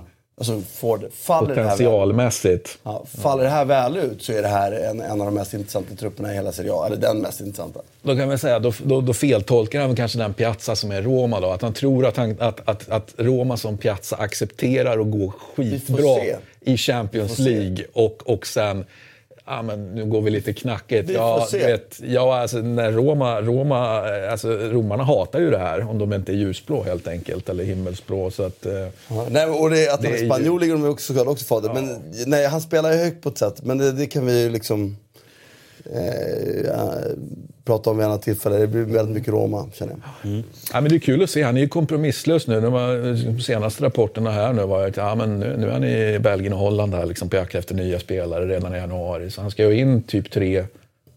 Alla gissar att det kommer in tre, typ två eller tre spelare här. Kan vi inte få upp tabellen en gång till? Och, eh, och då ska han ju fortfarande trycka in nya spelare på det här tvåmanna mittfältet då. Det, det, för det här är någonting som inte sitter då, gissas det. Ja, det är fascinerande. Ja. I, negativ bemärkelse. Och det andra Romlaget då, Lazio, deras 2-2 match mot, eh, mot Sampdoria. Med Immobile är det väl som sänker en liten straff i 96 2-1. Och så i 99 Saponara med, Åslund-favoriten Saponara. med... Det var ju Zlatan-klass på det där målet. Jag har ju inte sett det eftersom Alltså jag samtidigt. nej, men det, är- det är en, eh, en, eh, en, ett inlyft och så sträcker han ut, eh, och sen lite så här karatesparksklackaktigt över målvakten och så in och sen sliter han av sig alla kläder och står han bara i kallingar med... Eh, Och heter man Saponara så ska man väl kunna. Ja, exakt. Han gör ofta sena mål, gör inte det? Känns så. Som ofta räddar dem. ja, det, det var riktigt snyggt mål. Ja, jobbigt för Lazio såklart. Eh, Men kul för Samp. Ja, 99 minuten var det va? Ja, vad- det var sj- sjukt mycket sena mål i varenda jävla liga, Ja, var det inte? ja. Jag tycker på... Tack. Jag har den. Ja, sorry. Men jag fick en känsla av att det var lite väl mycket av den varan. Ja. Ja, det, var, det var fascinerande. Men du måste kolla det målet. Jag ska göra det. Det var eh, ruggigt, ruggigt snyggt. Eh, Empoli dundrar ju på, kan vara värt. Och där har vi ju tränarbytet som bara sit- sitter som en smäck. De behövde ju Verkligen. inte ens ta till ett sent mål, utan de nöjde sig med, det var väl någon 70 någonting, liksom, Mm. när de spika igen där. Så att, eh, det är häftigt att se där faktiskt. Man skruvar ner fin, finspelsgraden lite grann som fanns under Andreazzoli och s- lite mer pragmatiska. Sådär, på något sätt, vilken tråkig beskrivning, att någonting går från det till lite mer pragmatiskt. Men det är liksom det enda sättet att beskriva det på. Och den här jävla pragmatikern i Akini till exempel, det, det, det, är en, det är en för jävla fin pragmatiker helt enkelt. Räddade ju kvar Sassuolo förra säsongen genom att spela lite eh, pragmatisk fotboll, lite för pragmatiskt för Sassuolos eh, fin fotbollsälskande ägare liksom, och så fick han inte fortsätta. Så att, eh, det är mycket bra tränare. Och så Cesare Prandelli i Genoa. Ja, det är de italienska förbunds... Det är inte så många förbundskaptener kvar som ska ut och ha jobb igen. Eller det är det ju för sig, det är både Donadoni och Conte. Så att, så att, men det har ju varit många som inte har haft, har haft jobb, om vi säger så. Så att, att de inte förlorade, det var väl ganska, höll jag på att säga, självklart. Men det hade väl varit snyggt att... Det är ett ganska formsvagt, eller resultatformsvagt spall ändå. Så, så det är klart det hade suttit snyggt, men...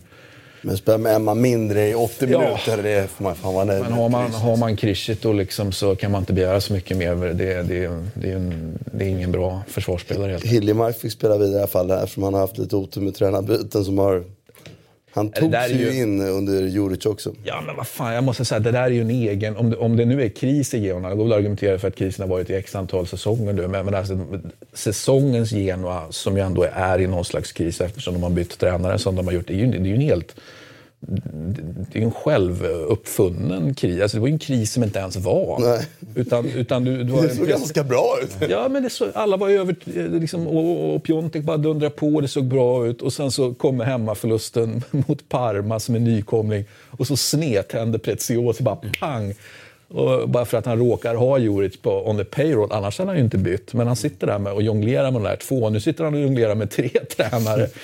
Eh, ja, det drabbar väl ingen fattig i och för sig, va? Men, men eh, det är ju provocerande att inte sköta saker och ting bättre än vad Preziosi gör. Jag måste säga vara klubbdirektör under honom, eller, och tränare ska vi inte prata om, men att vara klubbdirektör under honom, det kan fan inte vara lätt.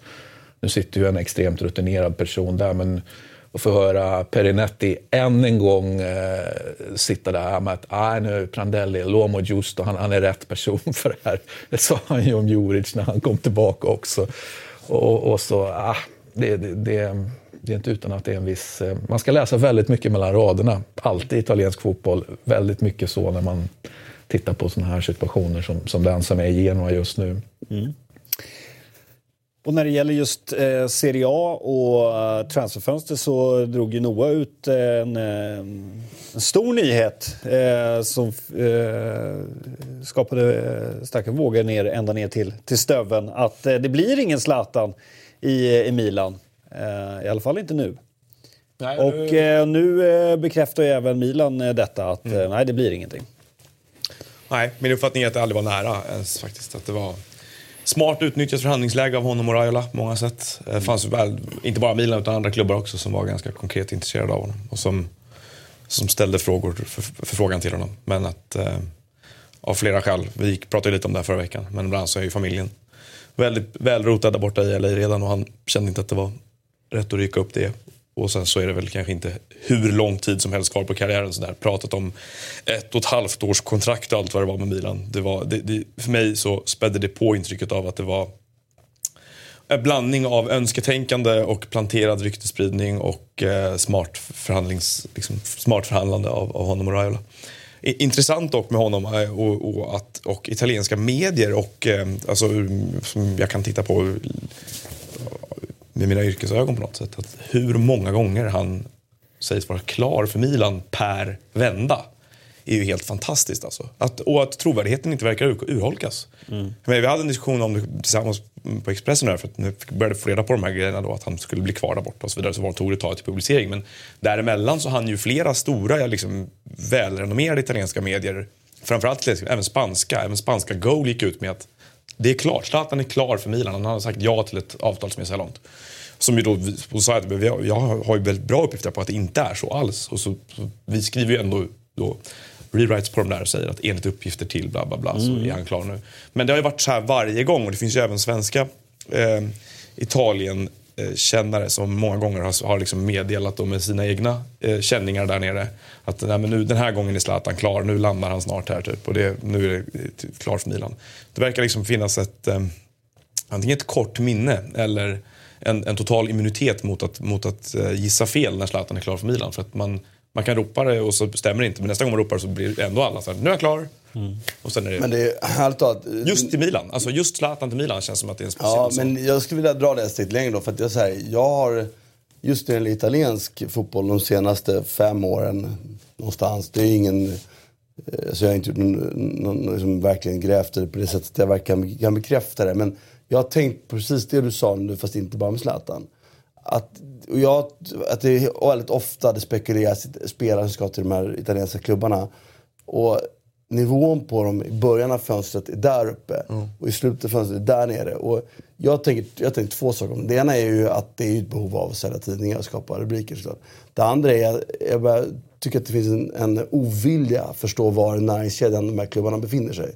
Att italienska journalister verkar inte förstå att Milan är inte första Alltså, Milan är inte ens, det, det är tolfte klubben liksom numera. Och de förstår inte det, vill inte acceptera det och så vill de sälja tidningar. Att det blir en ond spiral där. För Milan är en klubb, men jag tycker det har varit många av de andra också. Där det har spekulerat i otroliga namn. Den enda klubben som har gått motsatt riktning är typ Juventus. Som var där uppe spekulationsmässigt. Eh, men nu har hamnat där uppe också. Men jag, och, med och It- Italien är ju mer mercato, eller så här transferdriven tycker jag rent generellt. Den har min, jag tycker det har minskat. När jag var där nere, när du var nere mycket Christian, då var det mer, ännu mer att det här köpa, sälja, det var som en drog folk höll på med. Mm. Istället för att fatta, kolla hur spanska lag gör, de köper några, sen jobbar de med dem. Det är där, det är där man blir bra, inte här.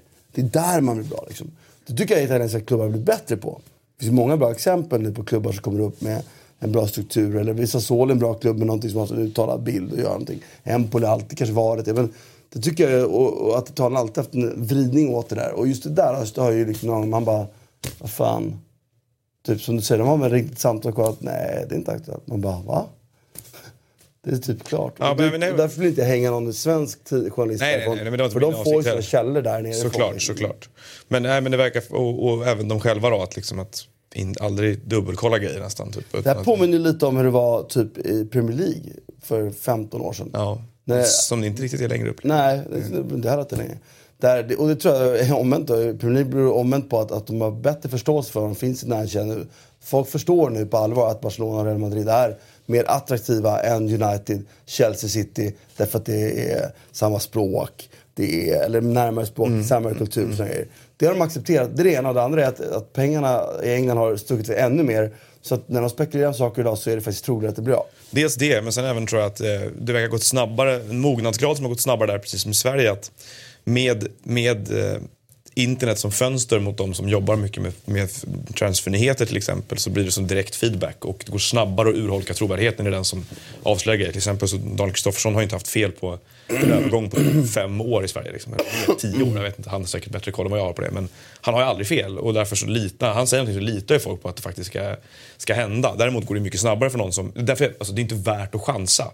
Att, att jag har hört det här. Men Italien och England upplever att det är så också. Det finns ju liksom inte många ledande skribenter på de stora tidningarna eller på Sky Sport för den delen heller som, som ofta som, som, som, har fel. Liksom. När de väl kör någonting så brukar det vara ganska väl förankrat. De har typ bra källor. Bild liksom. i Tyskland har väl också det. Ja, men de, de är också flamsiga på det sättet. Mm. Känns som att det är så här. Men, typ, men Italien tvärtom lite grann. Att sådär, ja. Nu, nu jag tror jag han är klar här. Bild, är de flamsiga? nej, men Bild kanske är bra. Det kanske är. Ja, ja, Bild är nog bra. Mm. Ja, Bild är nog bra. Men, men, eh, nej, men tvärtom då. Att, eh, I Italien, att liksom, det går att säga att Zlatan är klar fem gånger och har fel. Men folk lyssnar ändå sjätte gången. Liksom. En, annan, en, annan mognads, en annan mognadsgrad i den, och i den kultur, transfer, ja, transferkulturen skiljer sig från land till land. Men, men där tycker jag det, det, det finns ju, jag, jag, håller inte riktigt med om beskrivningen om hur, hur det rapporteras i italiensk media här. Alltså det finns ju, eh, där spelar man ju alla, alla sidor av bordet. Inom, en, en tidning kan ju göra det. Eh, även om den tidningen är Gazzetta dello Sport så har du en som kör, alltså du kör ju olika vinklar. Sen, sen kanske du gör det under ett skede där du någonstans ska besluta dig för vad, vad är egentligen våran huvudvinkel. Så jag, tyck, jag tycker att man... Du vet, de kan publicera olika man, uppgifter? Säga Ja, klar, alltså, du, olika, det finns ju väldigt många journalister på de olika tidningarna. Ja. Liksom. Så jag, jag skulle nog vilja säga att man kan att det går att hitta, lika många som du säger har, har sagt att det där händer. Du kan på samma enskilda tidning, om vi skulle sätta oss i, i, i pappersutgåvan så att säga och, och, och hitta lika många som, där de säger att det inte är så. Eh, det är min bild av det. Mm. Jag har faktiskt inte, just det här aktuella fallet har jag inte detaljstuderat. Nej, men jag, jag ändå jag, eller det, det, har jag ju visst gjort. Mm. Jag, jag har ju sett den massiva press som har varit och de rapporterade förhandlingar som har varit, absolut. Va? Så att, eh, min, min fasta övertygelse var ju att det här, det här, det här rapporteras på ett sätt så, som att det sitter. Eh, sen har jag faktiskt inte tagit del av vad som har hänt under helgen. Så att jag, jag onsdags var det till och med hade det. I onsdag? Du ser, vad gjorde jag i onsdags? Tydligen. Tydlig, tydlig. Nej, men, nej, men jag, jag, jag, jag, jag håller nämligen med dig om att det, det, är ett skifte i Italien. Där jag, lä, jag läser faktiskt Gazzetta Sport väldigt ofta och har hade större trovärdighet i dem för fem år sedan när, det gäller, när de presenterade möjliga transfer som vi har idag. Alltså, det, har, det, det, det, det, har, det har, och det gör jag liksom med kärlek till Italien. Det är inte någonting som jag säger för att... Nej, jag har ingen agenda här heller. Jag, bara, jag tycker det, engelsk fotboll det tycker jag är väldigt tydligt. Att, och det, ja, min slutsats är två. Och det ena är, är, är ju att de, liksom, de också måste sälja. Och det andra är, och det är den viktigaste, jag tror inte de riktigt förstår, de vill inte riktigt inse var de är i näringskedjan. Och det föranleder dem att tro att Galliani kunde sno en stor spelare framför ögonen på City. Men vi alla övriga världen bara, Och där inte kan, vi ju, chans. där kan man ju faktiskt, där tycker jag är en intressant eh, grej att diskutera. Jag tycker att Ta Gazzetta dello Sport då, som, som ju hålls extremt högt, världens kanske främsta eh, sporttidning. Det är en säga. fotbollstidning, skulle jag ja, vilja påstå. Jag säger att den är bäst i världen då, så har vi, så har vi stuckit ut den hakan. Eh, och kanske är det så att man betalar och så har du en, en, en, en, eftersom du är då klubbspecifik på det sättet som man är, det vill säga är du Martin Åslund, ja, då jobbar du bara med Salernitana. Du jobbar inte med någonting annat, kanske gör någon, någon enstaka annan grej. Men din grej är att du ska bevaka den. Och är det så att du är Milan-journalisten då som då ska jobba på det här eh, liksom, Ibrahimovic-spåret. Det vill säga, det ligger ju i ditt intresse att, att eh, ditt Milan får stort utrymme i tidningen, det vill säga komma med spännande nyheter. Och eh, sen har du hela tiden relationen såklart med klubbledningen i Milan, det vill säga att eh, Ja, det kanske är så att det har legat i Milans intresse här att det här ska rapporteras på det här sättet och då är det ju jävligt det är i alla fall svårare, eh, kanske, beror på hur man ser på sin roll, att stå emot där om du är den personen som faktiskt ägnar din, din, hela din karriär åt att följa den klubben bara. Eh, och sen har de ju såklart eh, transferexperter utöver det som står över alltså Juventus-experten, Milan-experten, Inter-experten och så vidare. Så jag säger att det är viktigt också att lyssna på vem som säger de olika sakerna. Men jag, och jag, jag, Alltså personspecifikt. jag kopplar, Vem jag, skrev det? jag kopplar inte, jag vill vara tydlig, jag kopplar inte det här som Noah, det här fenomenet till Milan. Jag kopplar det till italienska klubbar rent generellt. Italiensk transfer, alltså, jag har ju läst med, med förfasning över de Napoli jag pratade som spelare i början av fönstret, sen vad som har landat i många år. Milan har, har vi läst, Milan är ett typexempel. Och inte lika så. Det enda klubb som jag säger det som har gått motsatt riktning det är faktiskt för Jo, jo hade också det problemet för ett antal år sedan tyckte jag. Men där de faktiskt nu börjar landa spelare i den kategorin de pratar om. Och, och jag, jag återkommer till det. Jag, jag, har jag, har varit, väldigt- jag har varit tröttsam på att läsa. Jag har verkligen tappat lite, i den aspekten har jag tappat förtroende för Gazzetta eller Sport. När de pratar om möjliga värvningar så känner jag att det här är fanta med önskevärvningar från min 12-åriga son. Inte sakligt grundade. Liksom. jag upplever också att eh, i, från ett svenskt perspektiv att det finns lite mättnadskänsla över silly season-rapportering. För att det kanske beroende av att, eh, eller alltså resultat av att det, det spottas ut eh, nya uppgifter från höger och vänster om spelare eh, samma spelare hela tiden. Det kan vara Harry Kane ska till Real Madrid, nej nu ska han till Barcelona, nej nu ska han förlänga, nej nu ska han till Chelsea. Och så blir man lite så här, det blir bara ett brus och så blir det så tappar tror jag många intresset för silly season-bevakning som var väldigt het i Sverige för typ fem år sedan. Fast det, när, det, när det gäller internationell silly season då, för att när det Mm. gäller allsvenskan så upplever jag att det är ganska, eller det vet jag att det är stor hunger efter. Ja, men då tänker jag på där. Men där är ju- där är ju- internationell, eh, ja, vi Min kollega är ju nästan helt egen i genren så det är ju ganska enkelt att veta vem man ska lita på. Men i, när det gäller internationellt så håller jag med dig helt och hållet. Att det är liksom, eh, och där tror jag att fler och fler, det är också med att det sker en mognad av hur man följer det här, om det är i sociala medier eller hur man följer det på, på internet. Alltså att man lär sig känna igen, som du pratade om med Zlatan, man lär känna igen mönster i rapportering och eh, man lär sig bedöma trovärdigheten. Okej, nu är det tillräckligt många tillräckligt trovärdiga som säger ungefär samma sak. Alltså är det här tro, troligen att, förvänta sig. Liksom. Men det här är ju och en stor problem i... Sverige, Sverige, bara för att säga, Sverige, för det var ju så vi pratade om nu lite. Var, var ju också en, det, det blev ju större, än- det var ju orimlig proportion det hade en tag. Det var ju sändningar om silly man bara, den, det, den efterfrågan var ju tillfällig, den blev ju överdriven. Är inte det också som slår tillbaka lite nu eller? Möjligt. Säkert. Ja, men det som slår tillbaka är ju framför allt eh, de, de då som har rapporterat. eh, Jag säger liksom inte att alla har begått eh, fel, men, men fel har begåtts. Så Det vill säga om du, om du bara för att få klick eller läsning då är beredd att acceptera vilken källa som helst i princip, då, då är du ju väldigt illa ute. Och det vill ju till att hålla emot på de olika redaktionerna. Jag, Precis. Och det har, gjordes det ju inte. Nej, men det, det, Det, allt det- skulle ut bara. Jag Det tyckte så filmas här- inslag om allting. Det är viktigt att någon står... Jag kommer ihåg åt, när, jag, när jag körde Eurosport.se till exempel. Då var, vi, då var det väldigt mycket jag som har, höll på med Italien. Eller, eller, liksom, eller källbedömning. Vad, vad ska vi skriva? Vad inte skriva? Men då var det vissa... Ja, men liksom, ja, men det, han skriver det. Ja, men då skriver vi det. För det är trovärdigt. De skriver det vi behöver inte ens bry oss om att skriva det, fast det är en jättekul grej. Och den handlar om mm. kanske Zlatan, eller kanske handlar om Balotelli, den kanske handlar om allt möjligt. Va? Eh, men, men eh, den tiden, hårt uppdrivet tempo och kunskap, skulle jag säga, det är klart att den existerar ju inte på rent generellt på, på, på ja, det är väl kanske internetredaktionerna så, som, som, som har mest bråttom helt enkelt. Eller så är det likadant i papperna. Jag vet faktiskt inte. Det är inte så mycket sport i det beror på om det är kvälls eller morgontidningar. Och för mitt perspektiv så tycker jag det är bara sunt ju. Eftersom jag har ju de här, jag säger inte att det är fel att gilla silly season. För det är, man sin sak för Fällesland. Men jag har ju till de här som alltid tyckt, okej, okay, när jag vet vad som är färdigt, då tar jag ställning till det liksom. Den tiden som jag spekulerar, det är så dålig marginalnytta på att lägga. det roliga nu är i och med hur, hur det här har utvecklats idag och, och med källhänvisningar och allt möjligt så är det kul.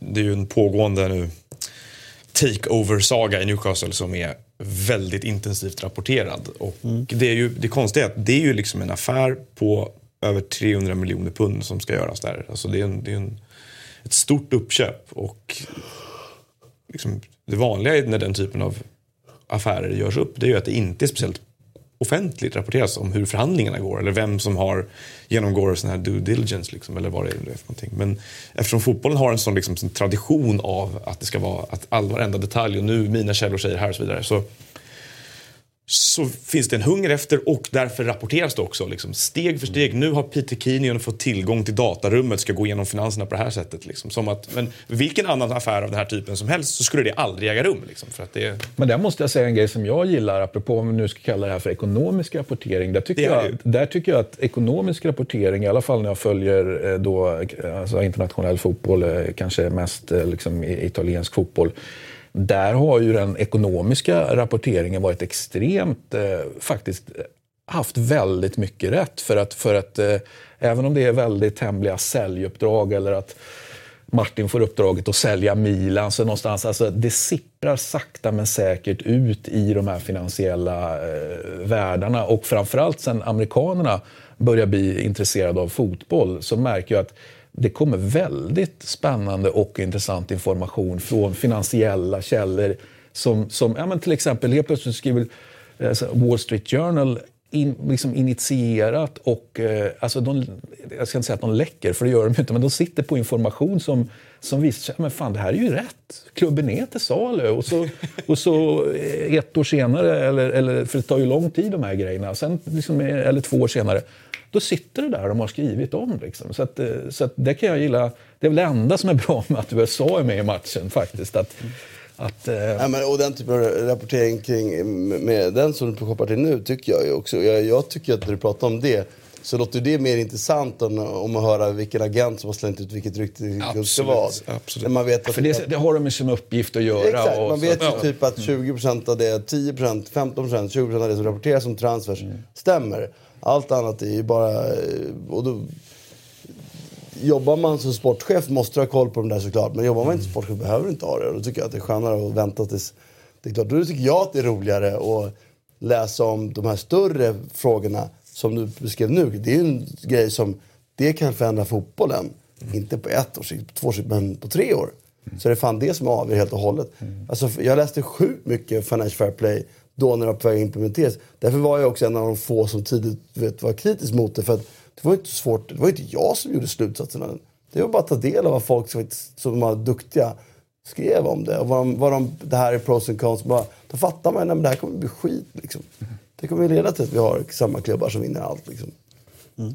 Och då... det, den, den typen av rapportering är ju bra mycket mer intressant än att titta på de här äh, klickknarkandet som det handlar om. Och, det tycker många tycker inte som du. Nej. Eh, Bättre att prassla med pappret. det var bra. Vi, vi lyckades... Det är det trevliga med tidningen idag. Att den tryckta mm. versionen av Gazettan, folk, man bara, mm. den är ju alltid bättre än inte. För den, den, jo, jo, den, men, men det är, den lämnar ju ute, för den, den kan ju inte skriva om nyheter, för de är borta redan. Mm. mm. Ja, Jättebra intervju med Ancelotti förra veckan. Mer genomarbetade texter ofta till, till printtidningar mm. på nätet. Eh, jag var glad att, vi, att även den här diskussionen bottnade i att vi kom fram gemensamt slutsatsen att, att Financial Fair Play är Nej, det är skit. inte skit. Det är en, det är en del av ja, jag vet. Mm. Mm. Härligt. Annars Vi ska vidare till Spanien. är vi bara på Spanien. Ja, det är mycket kvar. Mm. Det beror på hur mycket ni vill prata. Eh, Barcelona tryckte dit Espanyol i, i derbyt. Messi hattrick, två ruskigt snygga frisparksmål också. Eh, Han var bäst i världen 2018, eller var det? Eh, ja, det beror på vem du frågar. För mig så individuellt sett spelmässigt kan det inte finnas något tvivel. Nej, jag håller med dig man. Ja, jag vill så för mål. Sen ska inte han ha priset, det kan jag köpa, men det är en annan sak. Ja. Och jag tycker också det är intressant med Espanyol är ju som jag inte tittade på varför och hur de gick bra i början. Men det var ju många som, som såg och de fick ju resultatet med sig. Så att det var bra. Nu så en 4-0-seger borta mot Espanyol. Det har ju Barcelona inte ofta lyckats slå hem liksom. Nej. Och eh, apropå rapportering om spelare då. Eh, Dembélé gör ju 1 plus 1. Han har gjort eh, sex mål eh, så här långt. Gör ofta ganska viktiga mål. Sen finns det en rapportering om hur han är vid sidan av. Och det är dagen efter då ska han kommit två timmar sent till någon träning och det är... Eh... Stämmer det så är det katastrof såklart. Stämmer Två det så timmar är ju, är ju Ja, är en över. grov försening får man väl ändå säga. då det är bortanför böter höll jag på att säga. Jag vet inte vad det är. Det är nästan månadslön på och det. det Och har varit rapportering om att han spelar tv-spel för mycket. Det gör väl varenda fotbollsspelare i och för sig typ under Eller så 35. är det, är det här Men- eh, rapportering alla England. Nej, men det var lite det jag tänkte på. Jag vet inte, men nu, nu kom det rapporter om att liksom, det, det var sen han kom till Barcelona att, han, liksom så här, att koncentrationsnivån är inte tillräckligt hög eller vad man nu vill kalla det och han håller på- med annat. Nu ska han ha kommit två timmar för sent. Jag vet inte om det stämmer eller inte. Det är som jag. Men, men ja, precis. Och du är kvar. Men han åker ju, det är ju så, Barcelona Nej, men är han, ju gör ju, han levererar ju poäng. Eh, trots att det- vissa, Det, men det spelar ingen roll, han åker ut i sådana fall. Och, Sent och tappar koncentrationen när vi kommer till Spanien. Och, och, och, och, men, och det jag menar här är också att, att de är ju, jag tänker det finns ju personer i det här omklädningsrummet, till exempel han som var bäst i världen 2018. Ja. Jag menar, tycker han att det är värt att, att, att eh, på något sätt ta hand om den bel eller stämma i någon jävla bäck här så stäms det i den bäcken. Eller är han en spelare som går och offrar för det spelar inte någon större roll. Då är han ju historia väldigt snart. Så att eh, det Jag hävdar fortsatt att det är en bra nyförvärv. För jag tror att om de säljer honom i januari så får de mer betalt än vad de köpte honom för. Och det, är- då är det ett lysande inte exempel. mindre i alla fall. Nej men det, exakt, då är det ett lysande exempel på varför eh, man måste ta hänsyn till, till spelare, köp och sälj. För det är en del av allas verksamhet. Liksom. Så att, eh, och i Barcelonas fall så pratas det kanske inte mycket om att man ska kö, köpa, förädla och förtjäna pengar. Men även de behöver göra exits på sina spelare. Och jag tycker att Dembélé är, ja, Christian har helt rätt. Det är precis det det handlar om i slutändan. Det spelar nästan, nästan ingen roll, nästan ingen roll hur bra du än är. Så, är, så när priset på andra saker, strukturer, riskerar att falla, så är det mycket, mycket viktigare. Liksom. Därför mm, ibland blir det lite skevt när man då så här, bland ungdomslag får höra om den här killen är så jävla bra stök, kommer stöka i förhållanden. Och, och, så de vill inte ta hand om honom. Klubbar får skit för att de inte... Men samtidigt, om, om de väljer att lägga ner tid på honom så tar de ju tid av alla andra barn de skulle ha haft för utvecklingen. Precis som Christian säger, det här, tar de lägger den tiden på att ta hand om Dembélé så ska den tiden tas för någonting. Och tas den för någonting från de andra. Och då börjar vi prata om sådana saker, att i Barcelona i synnerhet det är för många bra spelare. Alltså, det är knappt så att Messi hade kunnat vara så bra. Om, inte, om han hade varit stökig så är priset för högt. Och det är ju det som är... är perfekt. Han är perfekt för, för Liverpool och det är perfekt för Barcelona att sälja honom dyrt till Liverpool. Säger jag. Och Klopp har pratat gott om honom tidigare också. Jag, vet inte fan, ja, om, om man får, jag tror inte ens Liverpool har utrymme till en spelare som kommer två timmar sent till, till sam- samlingar och, för ofta. Liksom, för det, det kostar för mycket. Liksom. Det kan man vara när man är kung i ett litet lag. Jag menar, Balotelli funkar i Nice. Absolut, då kan man ta priset av att han är för att han tillför ett värde de aldrig skulle ha råd med annars. Och, Jag tänker mig att kvalitetsmässigt så är han, Men- han är inte riktigt Barcelona. Alltså. Är, nej, men jag tycker, jag tycker höjden är absolut Barcelona. ja, men har de, ja, jag vet inte. Jag tror bara, jag tror bara att Hade det- han skött det hade blivit sig- bättre för alla om han gick till Liverpool. Det är min fasta övertygelse. Men jag vet ju inte om det här stämmer, för det är som Christian sa, det kanske är en Sterling, eh, Sterlinggate. Ja, precis. Att han blir... Men om det stämmer att han är två timmar sen till en samling så är det katastrof om han är det ofta. Det går inte långsiktigt att ha det så. Eh, Real Madrid vann med, med 1-0 över Huesca, Gareth Bale, matchhjälte. Eh, jag tyckte det här mittfältet som, som, eh, som Real kör med, med Lucas Vasquez. Modric, Marcos Llorente, Ceballos och, och Bale. Det tycker Men Marcus Llorente måste ju spela om inte Casemiro spelar. För det är den enda som är riktigt sittande mittfältare av de andra. Eh, Vilka vantar han har på sig där. Målvaktshandskar. Spelar du med Modric, Kroos, Ceballos skulle funka om de verkligen klarar att spela bort sina motståndare hela tiden. Men, Eller Modric, Kroos, Isco som har varit några gånger förr under Zidane. Men Zidane var Zidane. Han gjorde ju saker som inte borde funkat. Det funkar ändå med Zidane. Men, så att det, må- Llorente måste spela när, när Casemiro är skadad säger jag. Eller måste, men det är, det är logiskt att han gör det. Och de vann med 1-0. Det är väl en stark seger. Ja. Absolut. Absolut, och de har ju fortfarande häng. Alltså de, de är ju med där uppe. Vad är de? Vad är det, hur många poäng bakom är det? Fem? Ja, fem. Det är ju lugnt. Det är inte fortfarande så svårt att se, göra skillnad på Odriozola och Oyarzabal. Jag kan fortfarande liksom när jag läser dem så bara, va? Spelar han där? Nej just det, Oyarzabal är kvar. Men alltså den här tabelltoppen. Vad hade vi? Arsenal ligger femma på 36 poäng. Sevilla kryssade mot 34 eh, poäng. Valencia. Ja. Det är helt sjukt. Valencia har varit bättre när jag såg på highlights än Sevilla. Men Skönt med gjorde mål på övertid på ett skitmål. På målvaktstavla. Men han gjorde alltså en av de sjukaste målsräddningarna, han, vet han Varslik? Eh, Sevilla gjorde ju så sjuk räddning. Den ska ni kolla på, på saker man ska se på highlights. Nio och så 12, 12, 12, 12 målskillnad också. ja. Och Valladolid tog sig första vinst på två eh, månader, tror jag det var. Eh, Den var lite oväntad. Och Bilbao sparkade Berizzo, kan vi ta igen då här, eftersom vi kom in på det förut. Och därmed är väl Berizzos liksom, vad ska man kalla kapital förbrukat, eller? Känns det som. Nu är det Celta Vigo, Celta Vigo var ju, lämnade han ju ändå med viss, med ganska hög kurs, alltså aktiekurs då. Men Sevilla, avslutning. Sevilla desto sämre. Och nu det här. Ja, man kan diskutera hur många det här... Alltså, Snar- är det- en misslyckad session, det är ju egentligen ingen... Alltså, det råkar alla ut för förr eller senare. Två, tre, alltså, då börjar det bli jobbigt. Liksom. Så. Alltså, jag tycker ju redan i Celta Vigo, ni minns vad jag alltid hävdat, så Ja, tycker ja, jag ja. tydligt att han inte var en tränare, bra tränare. Jag tyckte att det var gamla strukturer, så länge det föll var kvar fungerade Så fort det försvann så Mm. var det ett ras. Liksom. Ehm, men han får väl börja om med, det finns ju massa bra klubbar i Segundan att ta. En av många Bielsas... Det är en karriär som går åt fel håll om vi pratar om Segunda på Jo, honom. visst, fast jag tycker man ska starta om på rätt nivå och bygga upp igen. ja. Fan, det är ju- karriären är inte över, han är ju ung fortfarande. Ja, fan, kan Montella vara aktuell för Roma igen så... Han, Berizzo till Championship säger jag. Bielsa rekommenderar in honom där någonstans. Han kanske Ja, det är ju spännande. hamnar i...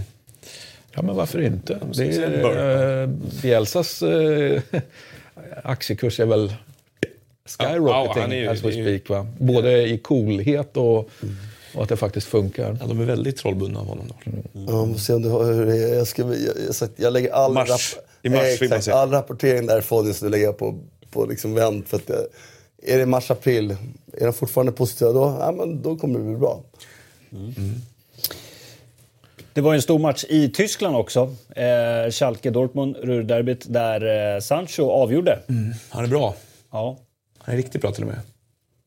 De, och de är riktigt bra. Ja, det var ju ett, ett riktigt snyggt mål. Så det är klart, man kan ju eh, ifrågasätta försvarsspelet där, men det var väldigt, väldigt snyggt. På ett annat sätt då, igen, komma tillbaka i mars och se hur Favre håller ihop det här. För att problem, hans problem, vi har sagt det många gånger förut också, hans problem har ju varit hans, bland annat hans egna nerver tidigare. Liksom att han är, Om Bielsa liksom spårar ur i någon sorts ursinne så småningom, att bara alla blir fiender och saker och ting blir, blir för mycket för honom, så har ju Favre har haft en tendens av att, han har ju alltid gjort resultat, men han har aldrig haft en klubb med, de här, med den här pondusen som han har behövt basa.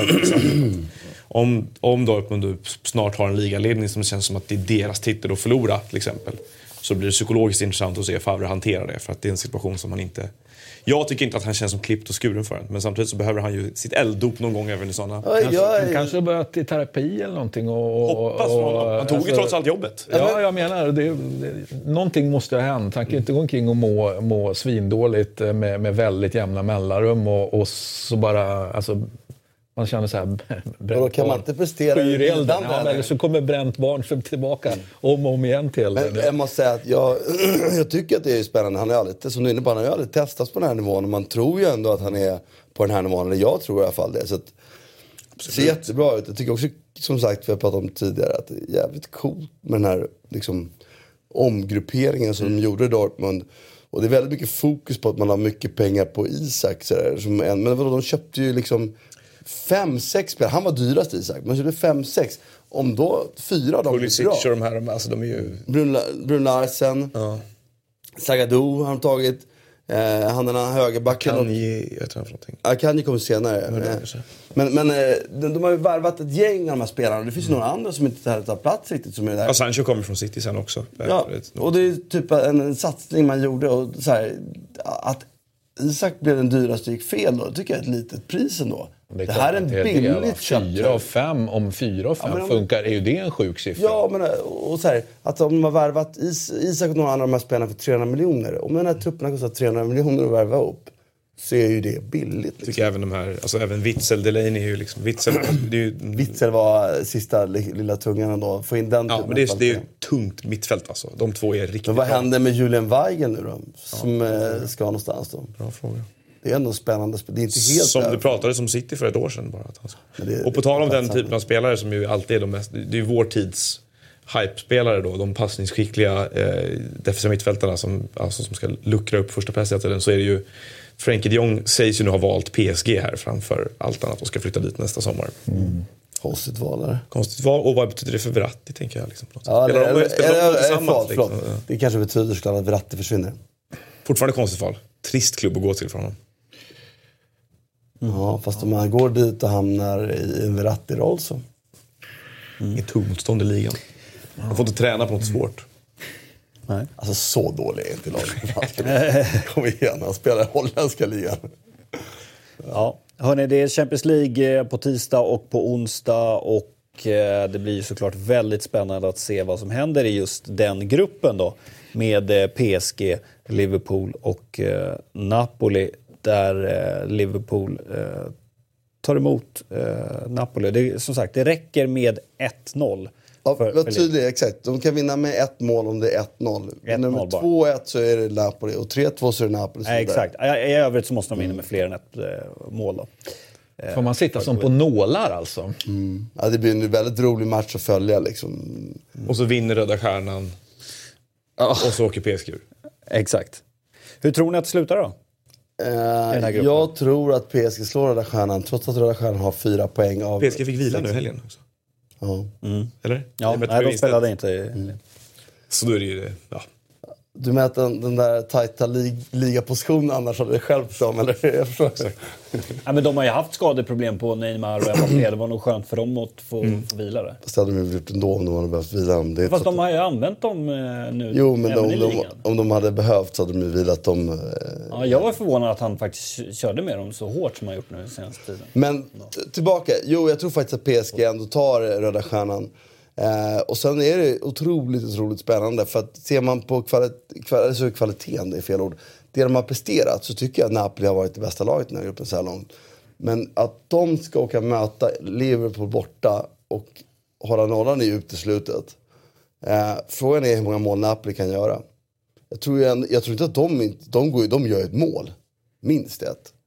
Men jag ser, jag ser ju framför mig att Liverpool kan vinna med 3-1 också. Li- Liverpool behöver ju ha energinivåerna uppe i den här matchen känns som. Det här är en sån match där de behöver, liksom, de behöver, de behöver skölja över Napoli så som de gjorde för att ta sig långt i Champions League förra året. Absolut, men Napoli är. Napoli är ett av få lag i världen som kan spela bort från press. Absolut. Alltså Napoli har eh, nivåer i sitt spel som faktiskt är, är bättre. Sen har de ju de har andra brister. Jag menar, som sagt, får, hamnar de under press långt ner i banan och de får, kan lyfta längre så har de den bitarna kan de inte stå emot. Och, Och en intressant skillnad Napoli jämfört med i fjol är ju ändå då sättet man kommer till den här matchen till. Nu spelar alltså tre av elva start, eh, normala startspelare i, låt vara att det var kanske enkelt motstånd och så vidare då va, men den, den eh, roteringen som sker kontra den roteringen som, som inte skedde då under Sarri, det är ju det är ju verkligen två ytterligheter som är väldigt, väldigt häftigt att, att titta på tycker jag. Mm. Det har roterats mer för den bredare truppen. Det här återkommer folk till fortfarande. Det är så tröttsam den här diskussionen. Napoli-spelarna spelade ju mindre än vad de flesta andra topplagen gjorde. När du summerar deras minuter på säsong. Och hur kan det i helvete minuterna på planen ha varit ett problem då? Alltså det är ju det är bara befängt att tro. Det som Napoli däremot kommer in med är att de har en bättre trupp än de hade förra året. Eh, för de har ju värvat klokt. Och några av de här unga spelarna har tagit några steg till. Riktigt kul att se Onas i helgen. Riktigt kul var det. Och det som spelar, det är ju en han kom. Men vi såg ju alla att han inte var färdig. Men han är ju, vad är han, 21? du har tagit ett steg till i den utvecklingen. Lite tråkigt tycker jag det är att Diawara inte fått mer speltid. Och det förvånar mig lite. För att mm. jag tycker i en sån här match så hade jag spelat med Diawara och Allan sittande. Vi har ju sett åtskilliga gånger hur, hur Hamsik har blivit liksom runtsprungen bara. Mm. Och hade inte Allan varit typ världens bästa mittfältare i år, vilket han typ har varit, så hade det där mittfältet åkt upp, ätits upp oftare. Och det måste man ju fundera på hur det ska hålla liksom långsiktigt. Sen är ju, alltså, jag ser ju ändå Chelsea väldigt mycket nu med Sarri. Jag måste säga att en del av det som jag trodde var Sarri, bara jag funderar på var Benitez och Insigne. För en del moment som jag tyckte var så jävla bra med Sarri var ju kanske kopplade mer till Insigne och Benites skola innan, eller? Har ni tänkt på det? Det borde ju orimligt om det inte skulle finnas rester av det kvar. Ja, men det är klart att, att det var en väldigt... Alltså ta över Napoli efter Benites fanns ju väldigt mycket bra att ta av. Oh. Speciellt de här övergångarna, för det tycker jag inte Chelsea får till ännu riktigt. Man ska ge det mer tid. Så att, och den, den övergången har ju Napoli fortfarande. Och uh, Insigne är ju... Alltså han är ju briljant. Och även om han är liten, vet, med den touch och den förmåga att pricka i steget så... så och det är också, ska man säga, det som talar för Napoli i den här matchen. Att både Insigne och Mertens har individuella kvaliteter. Att en mot en, en mot två, så kan de göra saker. Och det gör ju att liksom... Och det är en annan typ av anfallare. Jag menar, vi ser Gomes och Van Dijk. De möter ju inte den typ av spelare som de två är så ofta. Jävligt korta rappa. Det ska bli jävligt kul att se. Med det sagt, så sagt jag tror att det hänger... Liverpool måste göra tre tror jag, för att gå vidare. Och det jobbiga för Liverpool, nu var det en annan match, andra förutsättningar alltihopa, men det var ju att de har inte sett så svaga ut på, vad är det, två och ett halvt, tre års tid som bortamatchen mot Napoli. Alltså jag har inte sett dem så utspelade nästan i någon match tror jag. Fast var det inte Napoli som var bra eller? Mm, och båda två. De, har ju, de har ju stod ju helt chanslösa mot det där laget.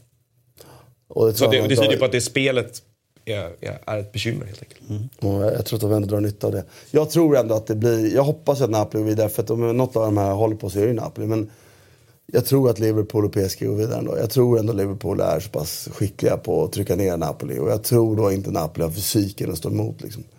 Och du tror tvärtom? Ja, men... Jag hoppas framförallt tvärtom, men... men um... Ja, får se. Jag ser fram Men tycker du matchen. att Diawara ska starta eller inte i den här matchen? Det, är bra, det blir ett väldigt bra test på om vi, om vi tycker att han är en mästertaktiker eller väldigt rutinerad i det, vad det nu är han gör, Ancelotti, så blir ju det här ett jävligt spännande test på att se vad han faktiskt gör. För jag håller, jag håller, jag håller extremt mycket med dig om att att man både blir ledsen och är förvånad över att han inte har, har använt Diawara mer. För jag menar, det, det, finns ju någonting väldigt, väldigt bra i Diawara. Att Ancelotti inte skulle se det, det vägrar jag tro på. Men mm. om han är...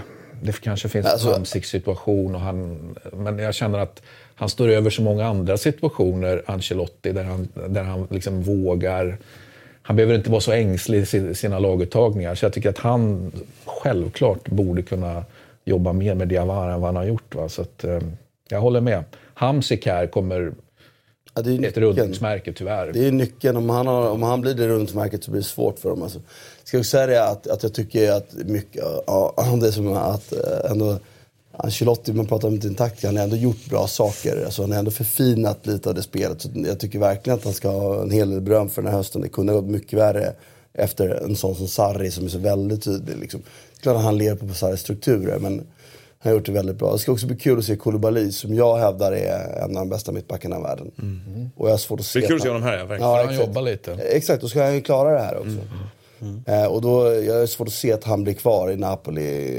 Alltså skulle de åka i Champions League nu så är risken att han försvinner i januari. Han blir dyr alltså.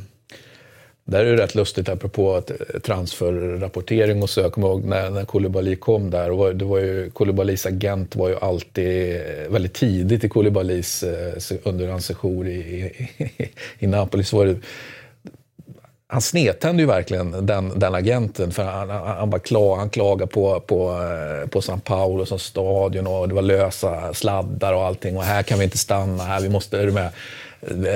Vi kommer att flytta allting. Och sen, sen, nu sen allting blev väldigt bra under Sarri så finns det ingen agent i hela världen som är mer entusiastisk över sin, sin klients liksom, nuvarande placering, eller eh, alltså, där han spelar i, i klubben, än vad, än vad, han heter väl, är det Satin tror jag han heter, så låter det vara osagt. Men, men, eh, så intressant eh, agentövning tycker jag, från Koulibalys agent. Hur det kan utveckla sig. Ja, Tror ni att Tottenham slår Barcelona då? Ja, precis. Barcelona-Tottenham. Nej, det tror jag inte. Det ligger inte i deras natur. Och när de har med ett bra motstånd år så har de haft tufft Tottenham. Så jag tror inte det. Jag tror att det blir...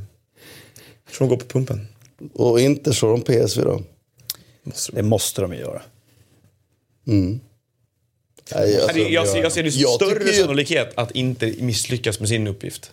De behöver ju bara en poäng om Spurs förlorar. Mm.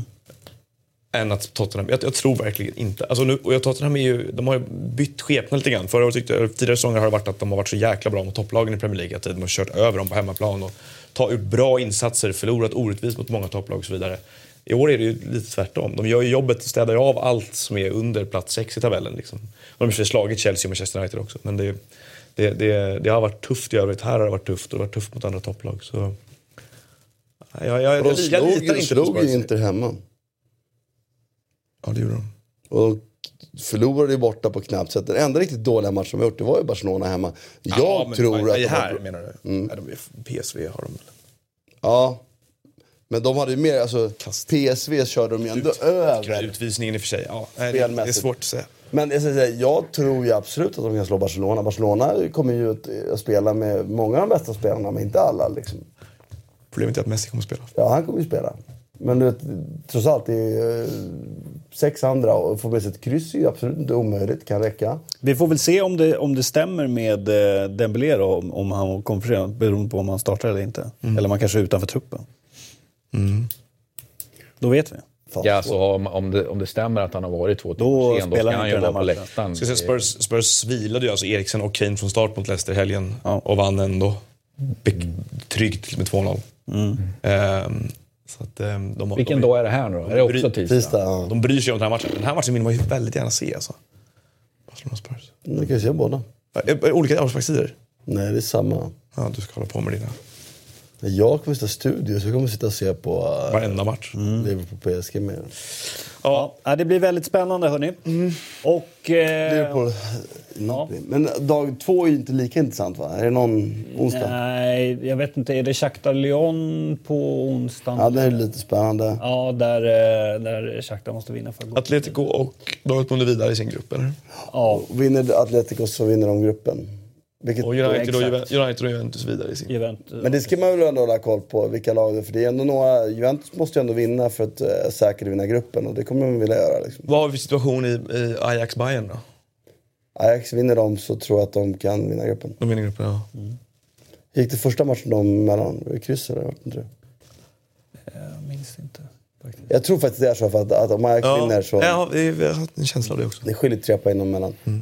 Ehm, och Shakhtar Lyon sagt det är också avgörande. För att Lyon har gjort så pass mycket bra matcher och så riskerar att missa det. Ja, det blir eh, intressant att följa. Och sen också hur det går för eh, Malmö FF på torsdag. Möta. Besiktas på bortaplan. Det räcker inte med vinst, eller hur? Eller gör det? Eh, Jo, det gjorde det. Ja. Det räcker med vinst, så är det Men ett tag när Besiktas hade 2-2 borta mot Sarpsborg hade det räckt med kryss. Eller var det inte? Kunde, Ja, eller? Precis. Så nu har de det inte i... Ja, jo. kunnat haft det i egna händer. Ja, jag kommer. Ja. Det blir spännande att följa Yes. det. Eh, tack hörni för, för idag. Och Tack, eh, tack. vi påminner er om att eh, fortsätta pren, eh, prenumerera på vår eh, Youtube-kanal för Eurotalk så håller ni koll på det. Och då får ni eh, pushnotiser till, till exempel när Eurotalk Weekend är ute på torsdag och Eurotalk är live och eh, när det kommer ut på måndagar. Tack för idag hörni och Tackar. eh, på återseende. Hej då.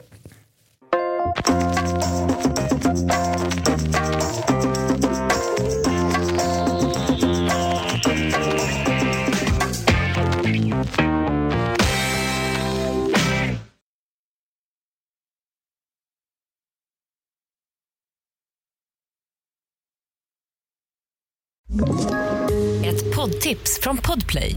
I fallen jag aldrig glömmer djupdyker Hasse Aro i arbetet bakom några av Sveriges mest uppseendeväckande brottsutredningar. Går vi in med hemlig telefonavlyssning och, och då upplever vi att vi får en total förändring av hans beteende. Vad är det som händer nu? Vem är det som läcker? Och så säger han att jag är kriminell, jag har varit kriminell i hela mitt liv men att mörda ett barn, där går min gräns. Nya säsongen av Fallen jag aldrig glömmer på Podplay.